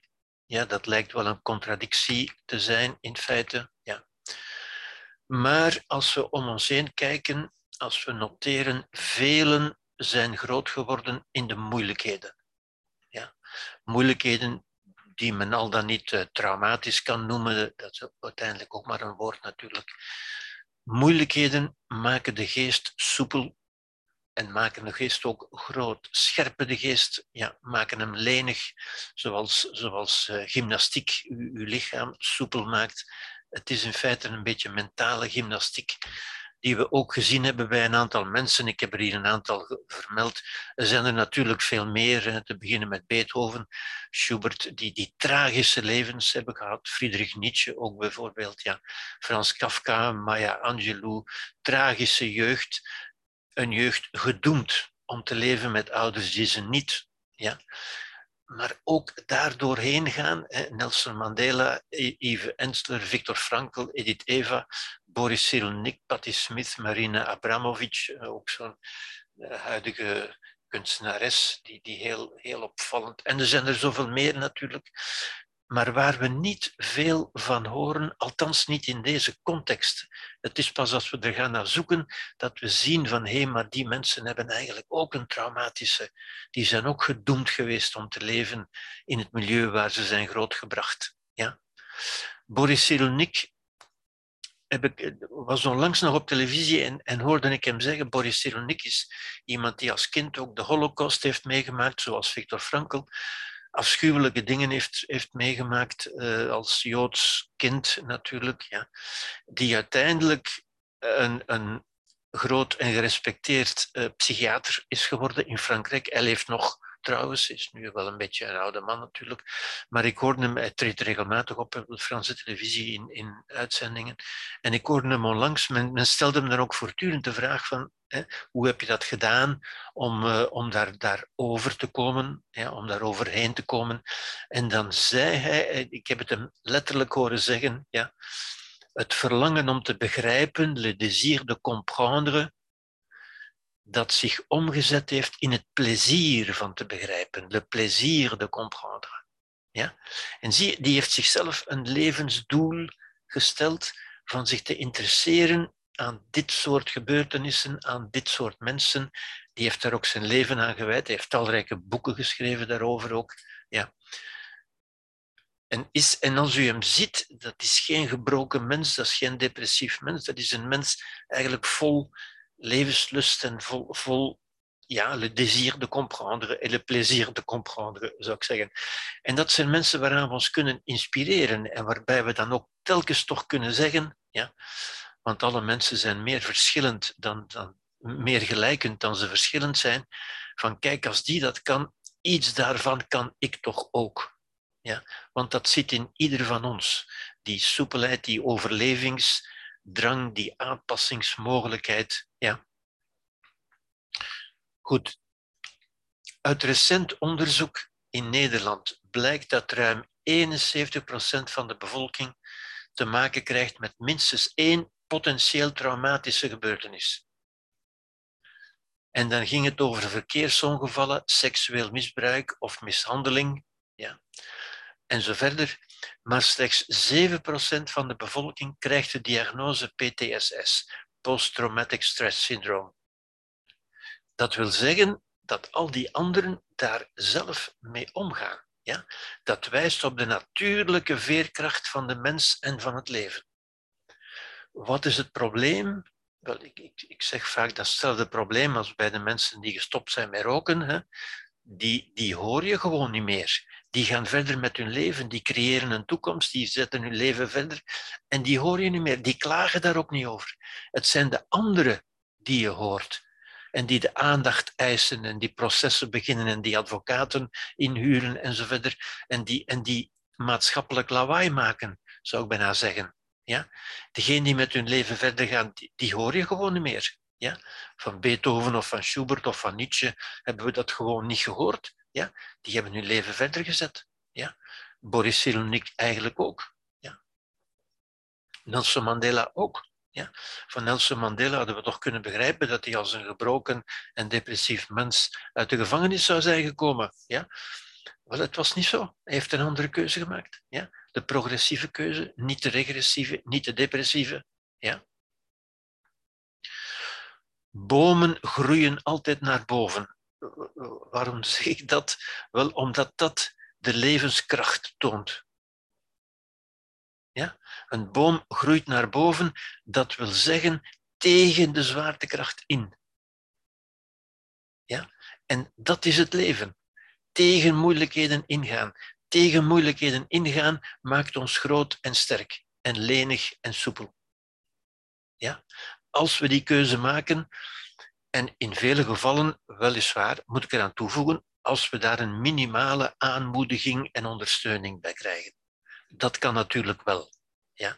En dat is ook het, het, het geluk van een aantal kinderen die inderdaad gedoemd zijn om in een bepaald milieu te moeten leven en daar geen keuze in hebben. Ja? Maar een aantal heeft dan het geluk van iemand te ontmoeten, een familielid of een leraar op school eventueel, die die hun kwaliteit ziet, die, die hen als mens behandelt en die hen aanmoedigt. Ja? Dat is natuurlijk iets wat wel kan, maar ze doen het altijd zelf. Ook dat kind groeit uiteindelijk zelf, zoals een boom altijd zelf groeit. Men kan hem niet, men kan die groei niet, niet in, in de plaats van die boom doen. Ja? En dat is die levenskracht waarvan we moeten weten dat die in ons ook aanwezig is. De, de kracht en de wil om te overleven. Ja? Onderzoekers van de Universiteit van North Carolina, Calhoun en Tedeschi, onderzochten ingrijpende gebeurtenissen. En ze onderzochten daarbij ouders van overleden kinderen, ouders die, zoals we zeggen, hun kinderen verloren zijn in, in, de, in de populaire taal, zou ik zeggen, ja? maar die in feite getuigen zijn geweest van het overlijden van hun kinderen.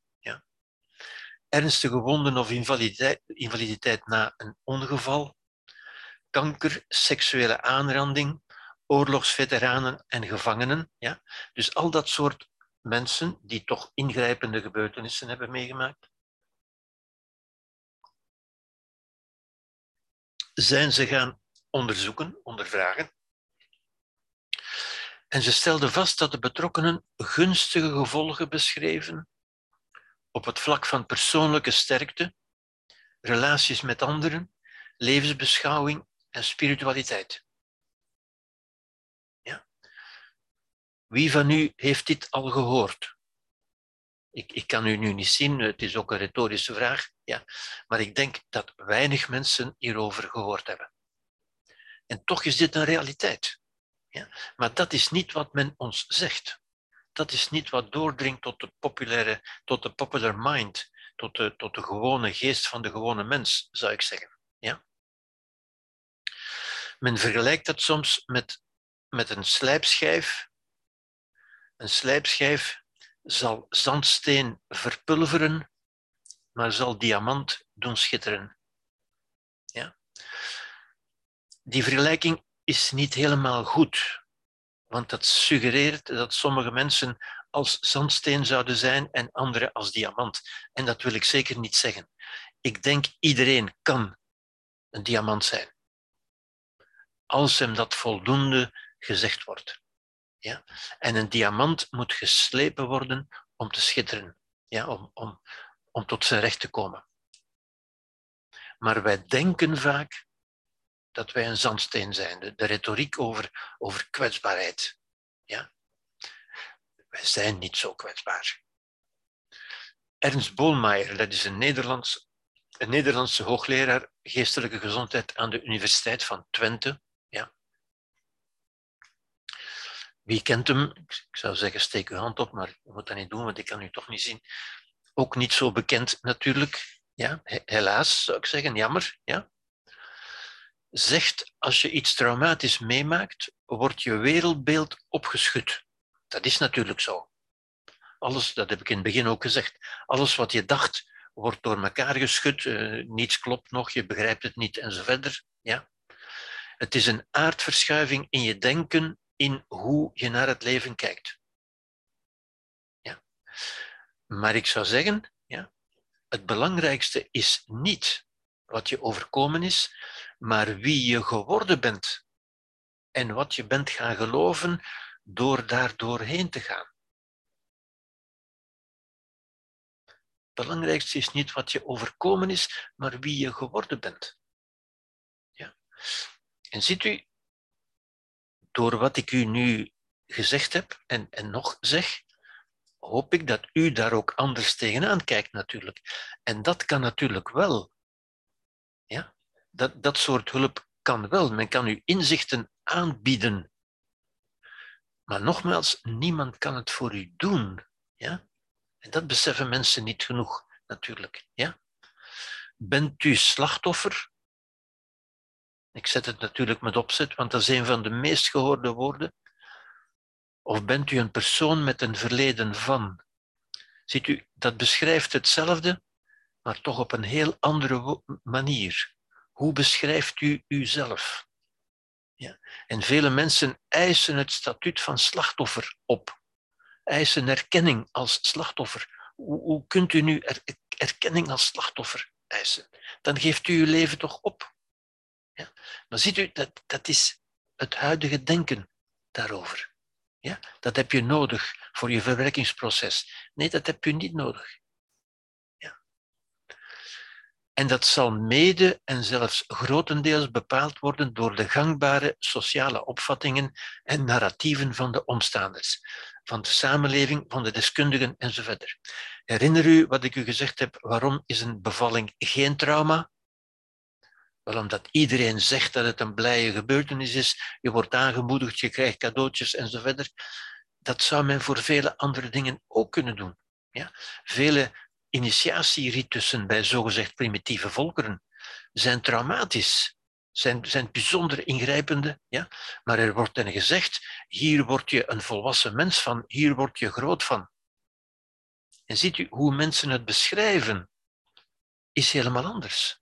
En dus de realiteit die ze creëren tussen hun oren wordt helemaal anders. Ja? De Latijnse auteur Horatius, dat is een Romeinse auteur, begin van onze tijdrekening, ja, schreef problemen doen talenten ontluiken die anders nooit ontwaakt zouden zijn. Ja, wat voor een schitterende uitspraak is dat toch? Ja, u, u, zou bijna, u zou bijna gaan denken, u zou bijna gaan hopen dat u voldoende problemen zou tegenkomen om uw talenten wakker te maken. Ja? Nu, dat is wat Nietzsche eigenlijk ook zei. Hè? Nietzsche zei, ik wens aan mijn vrienden veel tegenslag en, en, en moeilijkheden en problemen, want daar word je een groot mens van. Ja? Iemand geluk toewensen, dat is voor een sukkelaar. Dat wens je toe aan sukkelaars die, die niet anders kunnen, die het nodig hebben van geluk te krijgen omdat ze hun leven niet voldoende kunnen maken. Maar een mens een, die je waardevol vindt, wel, die wens je problemen toe waar hij nog beter van wordt. Ja? Weinigen worden groot in de gemakkelijkheid. En dat is wat we nu zien. Hè? Kinderen groeien op in die gemakkelijkheid, ja? in die leukigheid, zoals Dirk de Wachter het ook zegt, ja? die volgens mij toxisch is. Ja? Dat is een vergiftigd geschenk. Ouders willen het hun kinderen zo gemakkelijk mogelijk maken en dat begrijpen we. Dat, dat doen ze om, om goed te doen, maar het is een vergiftigd geschenk. Ja. Maar wie durft dat zeggen? Ja. Wie durft dat zeggen tegenwoordig, waar men zo bang is voor kwetsbaarheid en trauma's en, en ja? en schade en wonden en kwetsuren? Ja? De Poolse psycholoog en psychiater Kazimierz Dabrowski formuleerde de theorie van positieve desintegratie. Desintegratie, dat wil zeggen het uit elkaar vallen, het in elkaar vallen, ja? zoals een huis dat instort. Maar als een huis instort, dan kun je met die stenen ook een nieuw huis maken. En dat is wat hij positieve desintegratie noemde. Ja? Dat geeft ook mogelijkheden. Maar wie zegt ons dat? Wie leert ons zo kijken? Zo leert men mensen niet kijken doodgewoon. Ja? Het is altijd van, van, van wonden en kwetsuren en herstel en genezing en heling. Er is geen herstel. Je kunt niet terug naar, naar daarvoor. Je kunt alleen vooruit leven. De progressieve keuze. Ja. Het gaat, dat is een humanistische persoonlijkheidstheorie, net als de meer bekende behoeftepyramide van Abraham Maslow. Ook zo iemand ook Viktor Frankl zei dat. Je kunt, je kunt door alles doorheen, als je weet, als je toekomst creëert, als je zinvolheid, als je zin vindt in het leven. En zin vinden in het leven is zin creëren in het leven. Als je weet wat je wil. Ja? Bloemen hebben zon nodig en regen om te groeien. Als u bloemen alleen maar zon geeft, dan bloeien ze niet. Ja. Natuurlijke veerkracht. Een boom groeit naar boven, inderdaad. Ik heb het al gezegd uiteindelijk. Ja.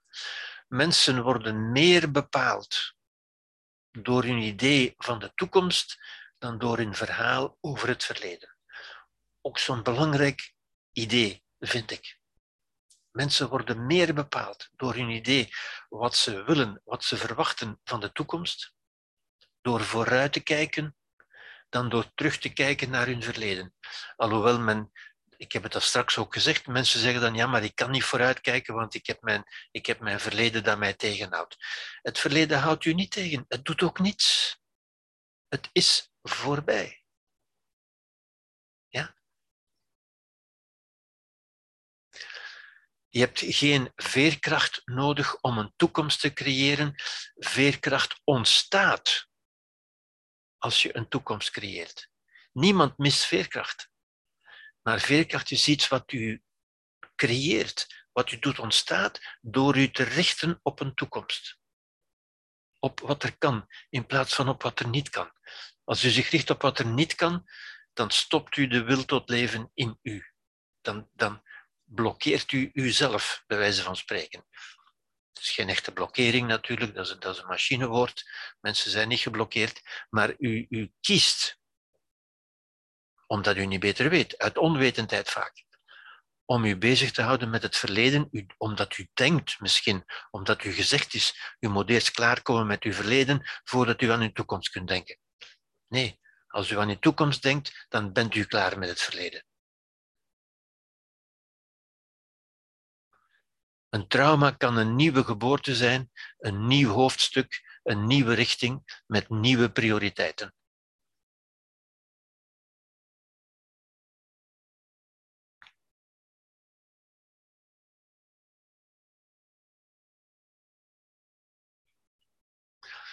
Omdat het leven een kunst is en geen wetenschap.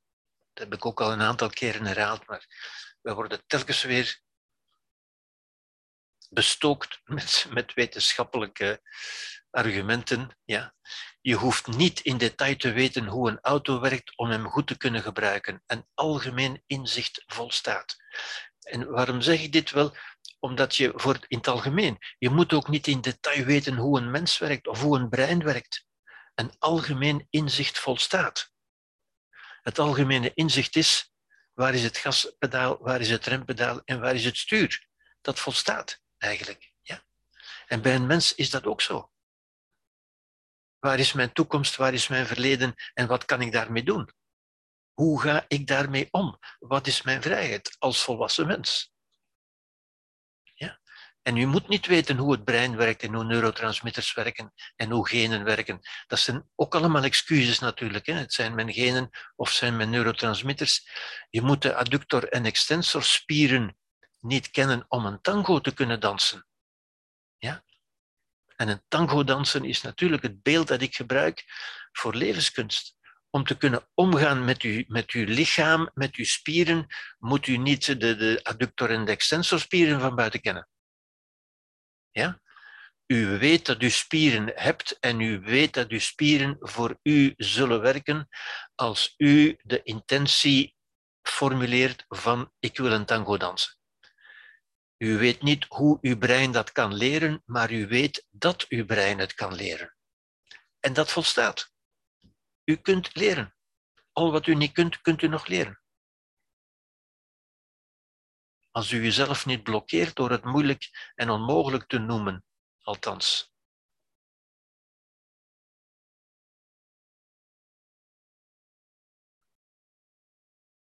Ja? Je moet geen neurologie studeren en je moet de polyvagale theorie van Stephen Porges niet kennen om met succes een trauma te overleven. Ja? En dat zijn allemaal mensen die erover geschreven hebben natuurlijk. Ja? Maar die daar niet heel positief over schrijven. Die vooral schrijven over de negatieve effecten, de moeilijkheden. Ja? Verklaren, dat is wat wetenschap doet. Wetenschap verklaart. Maar dat is niet hetzelfde als oplossen. Een oplossing moet u creëren, ligt in de toekomst. Ja?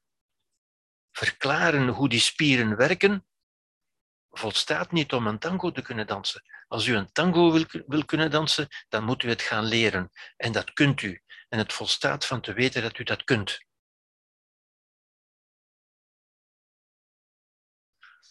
Mohamed El-Bashiri, ik geef nog een paar voorbeelden voor, voor de korte tijd die ons nog rest, ja, was getuige van zijn echtgenote die om het leven kwam bij de aanslagen in Brussel in maart 2016. Hij zelf was uh, metrobestuurder, geloof ik. Hij is van uh, Marokkaanse origine, maar spreekt perfect uh, Frans en Nederlands. En hij schreef samen met David van Rijbroek, een Vlaams auteur, schreef hij het boekje Een jihad van liefde. Jihad verwijst natuurlijk naar de islam, maar een jihad van liefde over dat gebeuren. Ja? Waarin hij beschrijft, en dat, er zijn niet veel zo'n boekjes natuurlijk, hè, En in zijn volgend boekje, De Odyssee van Mohammed, schreef hij: Ik heb geweigerd om verblind te raken door woede. Hij is achtergebleven met twee kinderen, twee jonge kinderen. Zie, hij is zelf van 80, is niet zo oud. Bij mij waren er altijd mijn nieuwsgierigheid en mijn liefde voor geschiedenis en filosofie die mijn gedachten voeden. Dat is bijna letterlijk wat Boris Cyrulnik ook schreef. Ja? En ziet u, hij bleef geïnteresseerd, hij creëerde zich toekomst, hij bleef in liefde. Ja? Hij was wie hij wilde zijn. Hij liet zich niet verblinden door het verleden, door, door woede en door haat, zoals zoveel het wel doen uiteindelijk.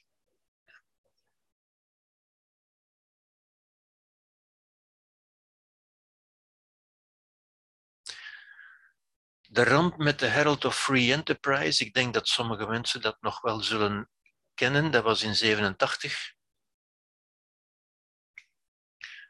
Uh, dat was zo'n roll-on, roll-off ferry met, met uh, en auto's op, die tussen Zeebrugge en Dover vaarden en die op, in, op 6 maart uh, 87 een dramatisch ongeluk heeft gehad met vele overledenen. 193 van de 539 opvarenden kwamen daarbij om, omdat die boot kapseisde om, een of andere reden. Ja. Nu, Stephen Joseph van het Institute of Psychiatry, hoogleraar van de Universiteit van Nottingham, deed in opdracht onderzoek over dat gebeuren. En hij stelde vast, velen vertoonden posttraumatische stress. Ja? Maar 43 procent, dat is toch niet niks, meldde een positieve verandering. Met andere woorden, een posttraumatische groei. Ja?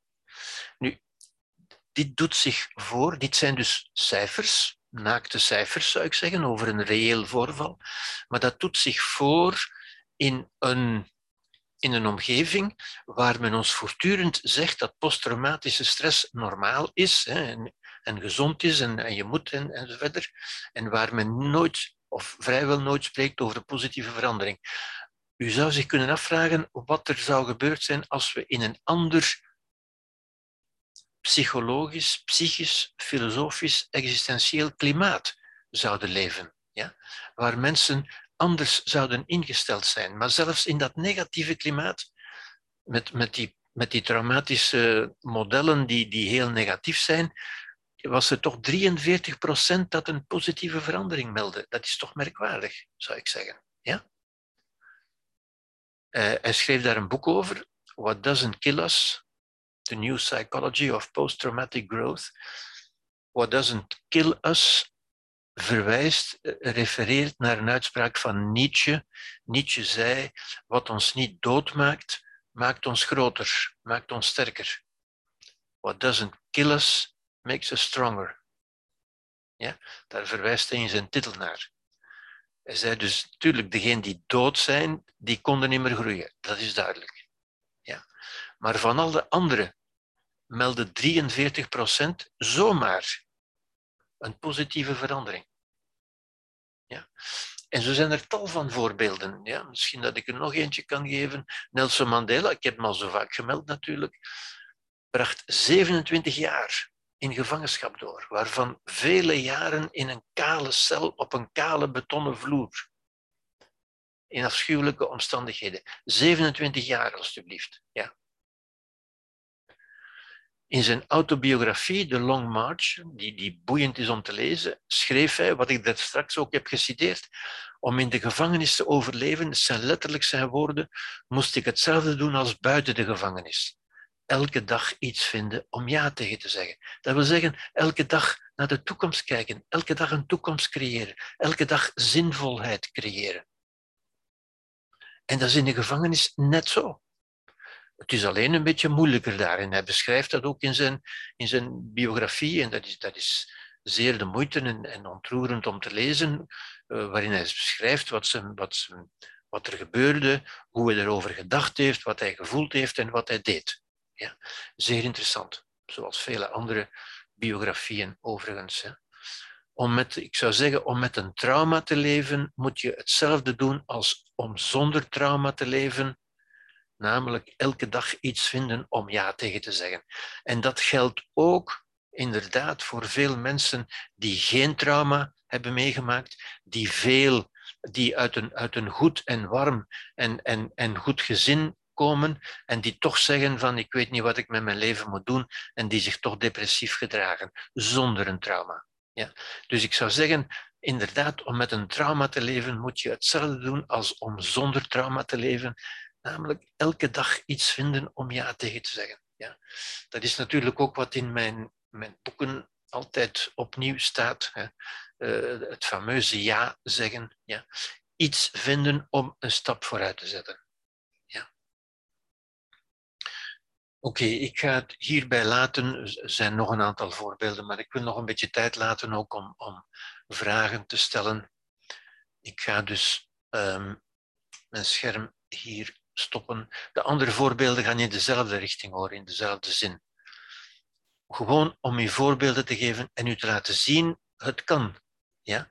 Het kan, maar het komt veel minder voor. Ja? Net zoals je, zoals ik dat straks ook al heb gezegd, van mensen die gewoon ophouden met roken, die, die hoor je gewoon niet meer. Of die gewoon stoppen met drinken, die hoor je gewoon niet meer. Die gaan verder met hun leven en met hun toekomst.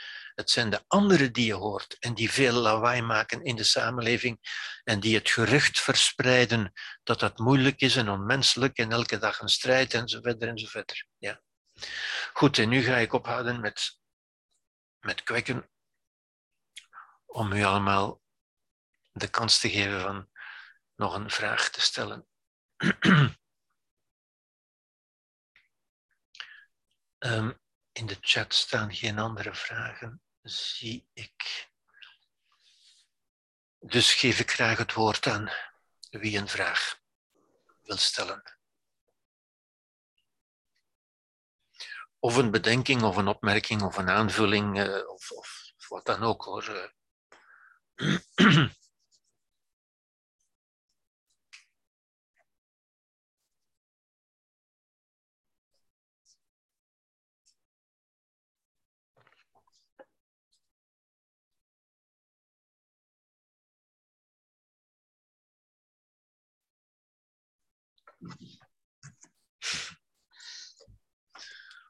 Hilde wil een vraag stellen. Ja, ik heb nog een vraagje. Um, ja. ja. ik weet niet of, of het uh, belangrijk is, maar ik heb ook een aantal andere uh, mensen gevolgd. En u spreekt over het narratieve brein en het emotionele brein. Ja, ja. En zij spreekt meer, ik denk dat u ja. niet bedoel, over bewustzijn en onderbewustzijn. Ja. Ik veronderstel dat die, zich dat situeert in het narratieve brein. Bewustzijn, onderbewustzijn. Onderbewustzijn is dan, het, is dan het, voor een stuk het emotionele brein dat automatisch werkt, maar voor een stuk ook het narratieve brein, inderdaad. Het onderbewustzijn is, en, en ook dat is een bijzonder interessant inzicht dat eigenlijk van Lacan ook komt, mm-hmm. het onderbewustzijn is het narratief dat wij ons niet bewust vertellen. Mm-hmm. Ja, ja? ja, Wat, ik, wat ik gezegd heb, ook de, de boodschappen die we onszelf geven door de woorden die we gebruiken. Mm-hmm. Door de woorden die we gebruiken, elk, elk woord is eigenlijk een cluster van, van ideeën en van emoties die daaronder zitten, die vastkleven aan dat woord eigenlijk. Mm-hmm. Ja, als, we iets, als we iets een verlies noemen en als we onszelf slachtoffer noemen, dan wekt dat emoties in ons op. Die woorden brengen eigenlijk emoties met, met zich mee. Als we ons anders omschrijven, dan hebben we een andere ervaring. Mm-hmm. En dat is eigenlijk het onbewuste. Het onbewuste zijn eigenlijk de boodschappen die we onszelf geven zonder ons bewust te zijn dat we die boodschap geven. Dat we mm-hmm. ons eigenlijk hypnotiseren. Ja. Het is de onbewuste hypnose eigenlijk ook. Ja, dus zij beweert ook, ik weet niet meer, 5 of 97 procent is onderbewust. Ja. Slechts 5% is bewust. Ja, dus, ja, ja, ja, ja, ja, ja. dat zijn een beetje arbitraire cijfers natuurlijk. Hè, maar ik, ik ben het daarmee eens hoor, dat er een groot stuk onbewust is. Mhm. Ja? Maar u moet wel zien, het onderbewuste is geen plaats in het brein of zoiets. Hè. Net als het bewustzijn. Ik heb u gezegd, het brein zit in de schedeldoos, maar met ons bewustzijn kunnen we overal zijn. Mhm. Niet alleen in de tijd, maar ook in de ruimte. We kunnen in Parijs zijn, in, in Amsterdam, in Moskou. Ja? En ons onbewuste eigenlijk ook. Daarom kunnen we ook nog in het verleden zijn met ons bewustzijn. Alhoewel ons brein altijd hier is, natuurlijk, in onze schedeldoos. Ja. Mhm. U vindt, u vindt die opdeling niet zo belangrijk tussen bewustzijn en onderbewustzijn? Wel, die, die, is natuurlijk wel belangrijk, maar dat, dat zeg ik ook. Hè. De boodschappen die we onszelf geven zonder er bewust van te zijn. Het onderbewustzijn, het is niet het onderbewustzijn van Freud, in ieder geval. Het is het cognitieve onderbewustzijn, waar we nu over spreken. Ik weet niet waar die auteur, waar je het over hebt, ik weet niet wie het is hoor, uh, hoe zij het omschrijft. Het onderbewuste komt vaak uit de Freudiaanse literatuur en wordt vaak zo geïnterpreteerd. Dat is niet meer hoe ik het zie. Maar ik geef toe, ik weet dat is verwarrend, omdat, er, omdat we daar ook geen exacte woorden en exacte definities van hebben. Ja. Maar ik vind het natuurlijk wel belangrijk. Ja. Het, het onderbewustzijn is, je zou het heel simpel kunnen definiëren, alles waarvan we ons niet bewust zijn. Mm -hmm alle woorden die we niet bewust gekozen hebben. Dus alle narratieven, met andere woorden, die uit onze jeugd komen, zijn grotendeels onbewust. We herhalen die onwetend, onbewust dus. Ja? Ja, begrijp je het, Hilde? Ja, ja, ja, ik begrijp het, ja. Maar ik, ik begrijp ook dat dat moeilijk, dat dat verwarrend is, hoor. Dat, dat, dat moeilijk is. Ja, ja, ja, ik weet het, ik weet het, ja. Ja, ik, weet, Ja. ik denk dat u weet over wie dat ik spreek. Ik spreek Nee, hier eigenlijk Ik over, weet het Inge, eigenlijk. over Inge. Ah ja, ja, ja, ja, ja, inderdaad. Ja, ja. Nee, ik wist het niet hoor. Ik wist het niet. Ja, zij spreekt altijd over het stikmanneke met het bewustzijn en het Ja, ja, ja, ja. Ja, ja, ja. Dus ik heb die cursussen ook gevolgd. Nu, ik Ja. ging daar wel ergens in mee. Ja, ik moet dat wel Ja, zeggen. ik begrijp dat. Ik begrijp dat. Dat is een eenvoudig beeld, Ja, voilà. Maar dat, ja. dat voor mij nu een beetje te eenvoudig geworden is, zou ik zeggen. Ah ja. Ja, Ja. Maar ik weet, zij is daarin niet alleen, daarom wist ik het ook niet. Er zijn, er zijn nog mensen, ook, ook professionelen, ook, ook psychotherapeuten, hoor, die, dat, die dat eigenlijk voorbijgestreefde beeld. Vandaar dat ik ook in de, in de tweede lezing, herinner je nog, heb ik eh, de psychopathologische theorieën. Een beetje, een beetje een duurder woord natuurlijk om dat te zeggen, heb ik daar ook over gesproken. Ja. Dus u moet dan de tweede lezing misschien maar eens terug eh, beluisteren. Of ja, toen had ik problemen met internet. Maar ik ah, blijf, ja, er, ja, ja. ik blijf er toch wel ergens bij eigenlijk. Dus in geval van trauma. Ik kom niet uit een familie waar ze mij leren omgaan hebben met emoties of met moeilijke dingen. Absoluut. Ja, ja, Ik ja. ook, ook Dat niet in school. Ik heb Dat dat nooit geleerd. Dat eh, waar. hoe Dat dat je daarmee moet omgaan. Dat Dus ik denk, in bepaalde momenten is het wel goed dat er dan mensen op uw Ja. pad komen. Ja. Ik weet niet of dat nu zij is, of u, of een yogalerares, dat u tot andere inzichten kan brengen. Ik heb het nooit geleerd. Ja. Dat, dat begrijp ik, dat begrijp ik. En dat is ook wat andere mensen kunnen doen. Mhm. Ja.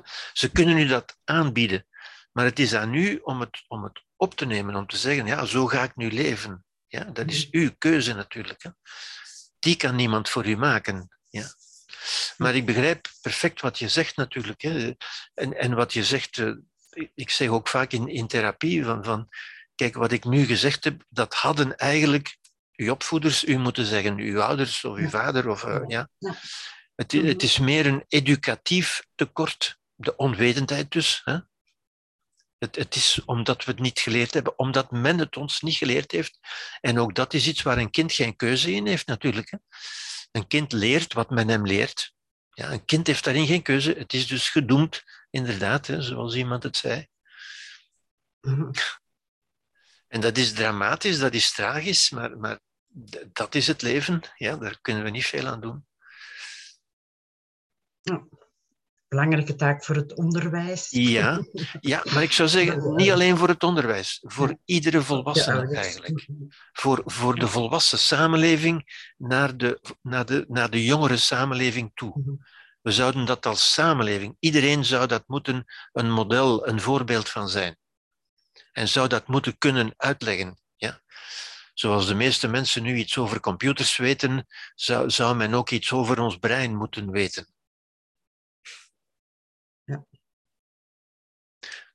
Een globaal inzicht, hè? niet in detail, hè, maar een globaal inzicht, zoals ik het heb meegegeven hier. Mhm. Ja. Oké, dank u.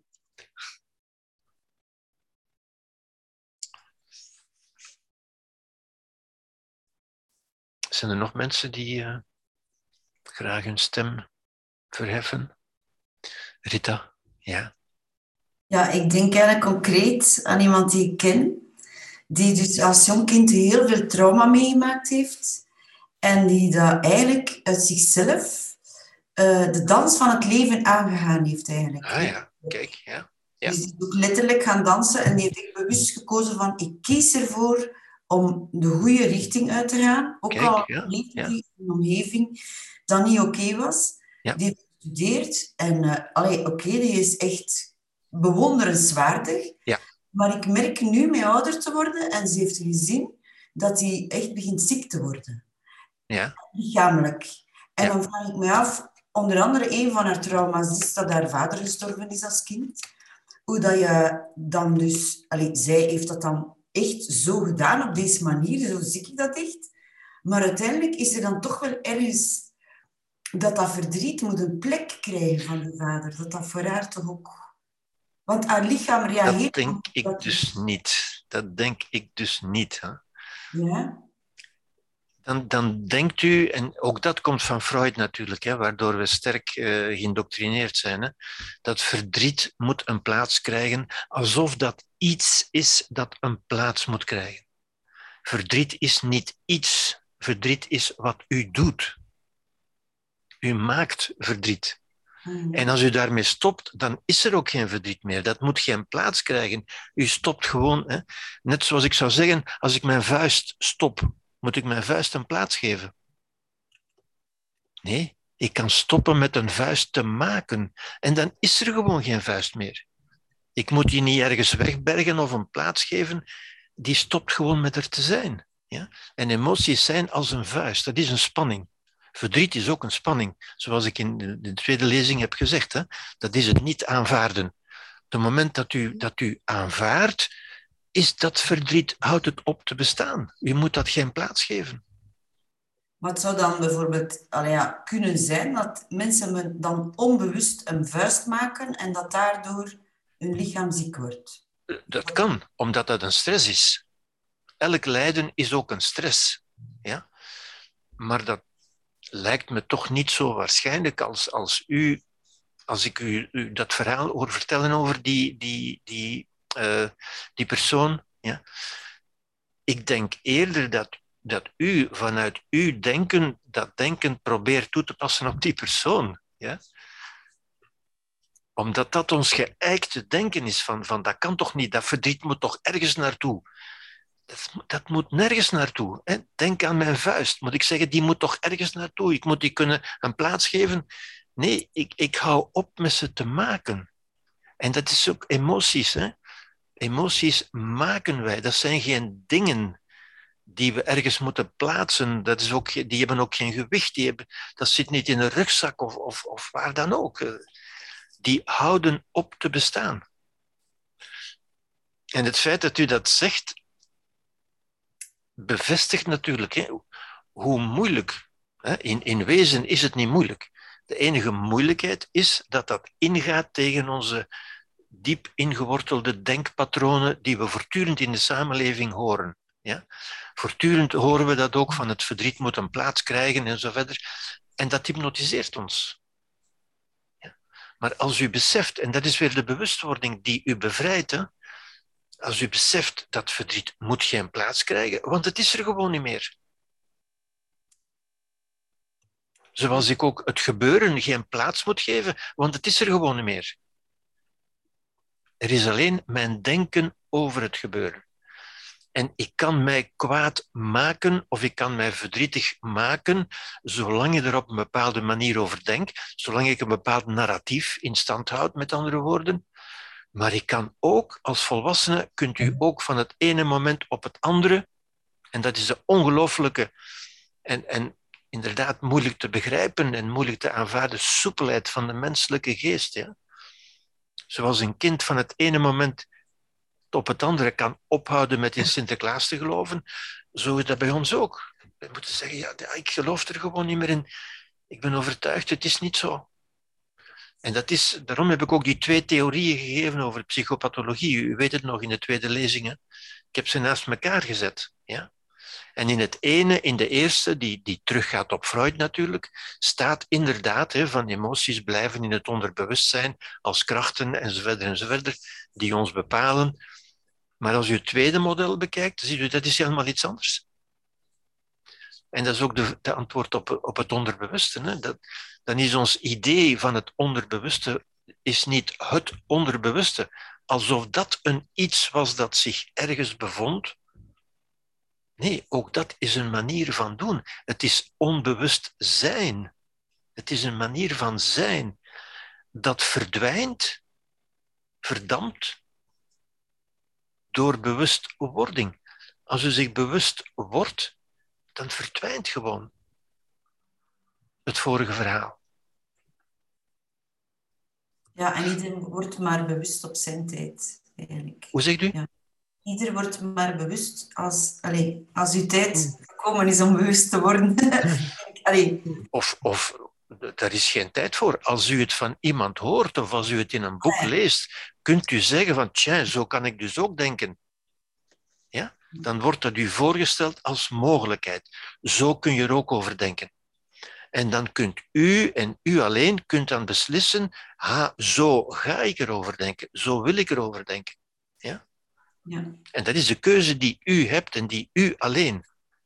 Geen enkele therapeut kan dat voor u doen. Ja? En, en therapeuten bevestigen vaak, zoals Inger ook, ook natuurlijk, dat is het, dat is het populaire narratief. Ja, ik, ik weet dat natuurlijk wel. En vele, vele professionelen bevestigen dat eigenlijk, omdat dat ook het populaire narratief is dat ze uit onwetendheid of omdat ze het niet willen tegenspreken, dat kan ook hoor. Eh, ja. Want, het, want het is een beetje. U, u bent er eigenlijk een voorbeeld van natuurlijk. Hè. Het, het is een beetje moeilijk om dat andere narratief aan te brengen, want dat gaat tegen zoveel dingen in die men is gaan geloven. Maar ik denk dat dat de moeite waard is, omdat het andere narratief zo'n bevrijdend narratief is. Waarmee u daar ook definitief een einde aan maakt. Een kind dat gestopt is met in Sinterklaas te geloven, kan niet terugvallen in het geloof dat hij wel bestaat. En ziet u, als ik dat voorbeeld geef, dan snapt u het ook meteen. Hè? Als u iets echt begrepen hebt, dan kunt u niet meer doen alsof u het niet begrepen hebt dan, dan is er iets in u veranderd. Dan denkt u er gewoon anders over. U kunt niet terug, u kunt nog wel doen alsof. U kunt, u kunt wensen dat u nog in Sinterklaas geloofde, maar u kunt er niet meer echt in geloven. En zo moeten wij in ons leven vele Sinterklaasen ontmantelen. En, en zeggen, ja, echt waar, ik, ik meen dat Echt, hè? ik vind dat ook een goed voorbeeld. Zo'n kind, zo'n kind toont altijd zuiver hoe het werkt eigenlijk. Ja? Bij een kind zien we trouwens ook, ik heb u gezegd, een kind is ook het prototype van het lijden. Ja? Maar een kind kan ook van de ene seconde op de andere stoppen met lijden. Ja? Dat wil zeggen, wij kunnen dat ook hoor. Maar volwassenen staan zichzelf dat niet toe, want dan lijkt dat niet serieus. Je kunt toch niet zeggen, ja, ik was aan het lijden, maar sorry jongens, ik heb me vergist, eh, nu lijd ik niet meer. Dat, dat, dat staat niet serieus, dan, dan verliest u uw gezicht. Eh, dat kun je niet doen. Nee, lijden dat moet ernstig zijn en diep zitten en vastzitten en lang duren en veel therapie vragen en zo verder. Dat is het narratief.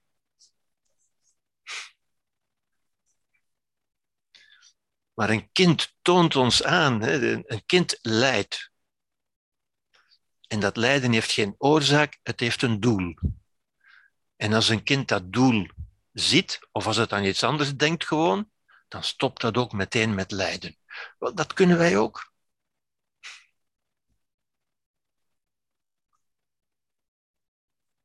Ja.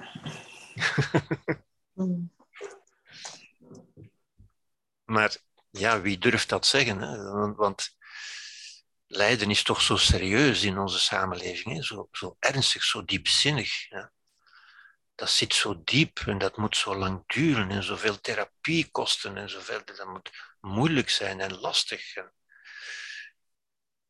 Ja, weet u, de Boeddha lacht daarmee. Hè? Dus niet uitlachen, hè, maar hij, glimlacht daarom. Hè, want de Boeddha zei, alle lijden komt uit onwetendheid. Alle lijden is een misverstand.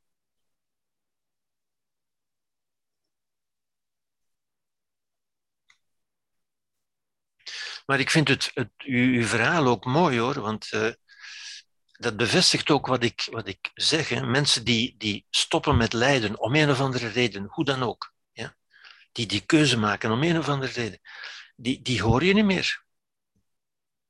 Die klagen niet over de wachtlijsten in de, in de, in de, in de zorg en zo verder. Die, die, die klagen niet meer, die hoor je niet meer. Zoals mensen die stoppen met roken of die stoppen met drinken. Dat kan ook hoor. Je kunt plots stoppen met roken hè, als je daar een goede reden voor hebt. Maar het narratief is, nee, dat is moeilijk en dat is lastig en je hebt daar therapie voor nodig en zo. En, en patjes en, en nicorets en, en zo. En dat is een strijd van elke dag. Dat is het populaire narratief.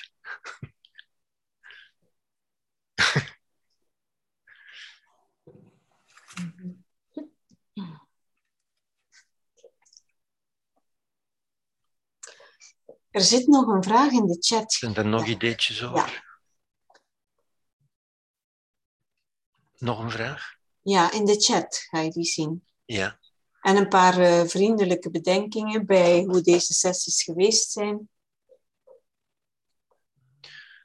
De vraag van, van Gert Kluits. Mm Bedoel je die?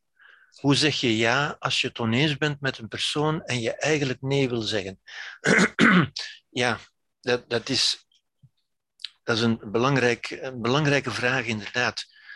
Ik denk dat je kunt ja zeggen tegen die persoon. Ja zeggen betekent niet dat je die persoon gelijk geeft, of dat je het ermee eens bent, of dat je dat goed vindt. Ja? Zoals ja zeggen tegen je verleden betekent alleen dat je dat verleden aanvaardt zoals het is. Dat wil niet zeggen dat je dat goed vindt, of dat je het ermee eens bent. Dingen die niet goed zijn, die, die blijven niet goed. Van nee, nee, dat was niet goed, maar ik aanvaard dat dat in mijn leven gebeurd is. Zo kun je ook tegen een persoon, je aanvaardt die persoon, je aanvaardt dat die een andere mening heeft. En dat kun je als een volwassen persoon aanvaarden en, en welwillend mee omgaan, zonder dat dat betekent dat je die gelijk geeft of dat je het ermee eens bent. Ja? Is, is dat duidelijk? Ja, ja. Dat is mijn vraag, niet die van van Gert. Dank was, het, was het jouw vraag, Wies? Ja, ah, ja. ja, ja. Het, is een, het is een goede vraag hoor. Het is een goede vraag. En ook dat, ziet u, ook dat nodigt ons uit om, om meer na te denken. Hè? Je zegt ja tegen die mens, ook al ben je het oneens met zijn ideeën. Ja, ja zeggen wil, wil niet zeggen, je hebt gelijk en het is goed. Het wil alleen zeggen, ik aanvaard dat jij er anders over denkt. En we kunnen daar in vrede mee leven. Ja. Is, is dat een antwoord, Wies? Ja, ja, zeker. Begrijp je dat? Want het heeft niet echt iets te maken met trauma, maar ik ben het boek aan het lezen. Nee, maar het, is toch, het heeft er toch ook iets mee te maken. Want, want op dezelfde manier eigenlijk, hè, ja zeggen tegen een trauma, ja zeggen tegen een gebeurtenis, tegen iets wat gebeurd is, wil alleen zeggen, aanvaarden dat dat gebeurd is. Dat wil niet zeggen dat je dat goed moet vinden. Je kunt het daar totaal oneens mee zijn. Ja? Maar toch aanvaarden dat het gebeurd is. Dus eigenlijk is ja zeggen aanvaarden. Ja, ja, ja. zoals nee zeggen, niet aanvaarden is. Ja. Ja. Dank u wel. Alsjeblieft. Zijn er nog uh, mensen die.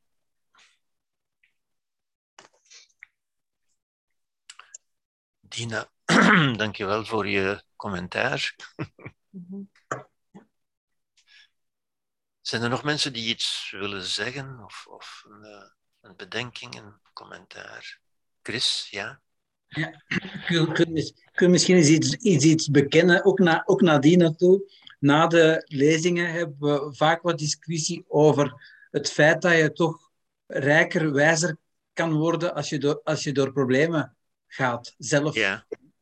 En ik, ik vond het altijd wel jammer dat je door problemen moet gaan om, om, om dat te kunnen stellen. Hè. Ja, ja. Er is iets in mij dat dat nog altijd jammer vindt. Ja. Maar met de, met, de, met de lezing vandaag, hè, vooral naar het einde toe, dan heb ik toch ook weer gezien dat dat, dat, dat, dat, dat vaak klopt. Ook bij mijn, mijn eigen verhaal rond kanker. Uh, een broer die ik eraan verloren heb. En toch zie ik vaak in de hele korte kring rond mij dat mensen toch daar eigenlijk dan negeren bijna en gewoon zich blijven storen aan de kleine dingen. Wat ik Ja. soms ook nog doe natuurlijk. Ja. Maar ik bedoel, ja, het, er, is toch veel, er zit toch veel waarheid in dat je wijzer wordt en rijker wordt Ja, door, door zelf geconfronteerd te worden met, eh met probleemsituaties. ja dat, dat Ja. kan het vertrekpunt zijn voor Ja, een gedachtegang die je Ja. rijker maakt, natuurlijk. Ja, Ja, dat. Ook, Ja. dat is, ook, ook dat is geen zekerheid. Hè. Ja. Het is niet Nee, dat is geen zekerheid. Ja. Nee. Het is een kans, kan het is een mogelijkheid. Ja, Ja, voilà. absoluut. Ja. absoluut. Bij deze, Dina. Zeer zeker. Weer van de baan. ja. Ja, oké. Mhm. Ja, ik, Oké. Allee, ik wil daar nog even iets bijvoegen. Ik ben het Ja. eigenlijk eens met Chris en Dina. Dus ik vind dat ook wel. Je moet eigenlijk al een bepaalde allee, hoeveelheid eigenlijk van lijden of tegenslag gehad hebben. Want ik merk dat nu ook aan mezelf. Soms heb, heb je eigenlijk schrik om tegen iemand te zeggen van ik ben met die dingen bezig. Ja. Krijg je ook dikwijls de reactie, amai, waar houd jij je allemaal mee bezig? Ja. Heb jij niks anders te doen? Ja. Allee, ja, ik ben thuis, ik heb niet anders te doen. Maar allee, ja, het, het is inderdaad, het is inderdaad zo. Hè? Dus Ja. mensen die eigenlijk niet veel tegenslag gehad hebben in hun leven, Ja. vinden het eigenlijk in zekere zin een beetje onnozel, belachelijk. Ja. Waar houde jij u mee bezig? Ja. Ja. Het is inderdaad zo. Hè? Ik, ik wil dat even wel, eh, Ja. die stelling wel bekrachtigen, want ik heb het zelf zo ook ervaren eigenlijk. Ja. Ja. Ja, ja, ja dat Absoluut. is zo. Ja. Het is zo. Het is zo. Maar ik denk wat er vandaag ook zo heel duidelijk was daarin, dat is dat je gesteld hebt, Gerbert, dat je zonder die uitdagingen die bepaalde bronnen niet in jezelf niet aanspreekt. Wel, dat is wat Horatius al zei. hè. De Ja. Romeinse schrijver Ja, Horatius. ik vind dat Ja. zo'n prachtige, Ja. prachtig citaat eigenlijk. Ja, ja het is dat. Ja. En, da- en dan zie je ook, die wijsheid is ook wel aanwezig, ook in onze cultuur. Hè? Maar, maar je moet er gaan naar zoeken. Hè? Ja. Ja. Ja. ja. Oké. Oké, Dan vermoed ik dat we langzaam kunnen afronden. Hè? En dan eh, is het heel mooi om te lezen dat, het, dat eh, deze drie lezingen, ik, ik zie hier begrippen als explosieve eh, inzichten, verhelderend, overtuigend en vooral bevrijdend geweest zijn. En met dat idee is het misschien heel mooi om 2022 in te stappen Mhm. dat we moeten die problemen of eh, traumaatjes niet echt ontlopen. Laat ze maar komen. We kunnen alleen maar Ja. extra groeien. Ja. Dus af en toe een portietje pijn, zoals Nietzsche het zei, kan ons eigenlijk wel groter maken. Ja. En overal ja tegen zeggen. Hè, Wies? Dus ehm, heel hartelijk dank voor de deelname, de reacties in de chat. En we kijken al samen uit met jullie naar wat de toekomst brengt, waar we ja tegen kunnen zeggen. Dankjewel. Oké, iedereen een goed dag. eindejaar Dag. toegewenst. En nog een fijne dag verder. Ja. Oké.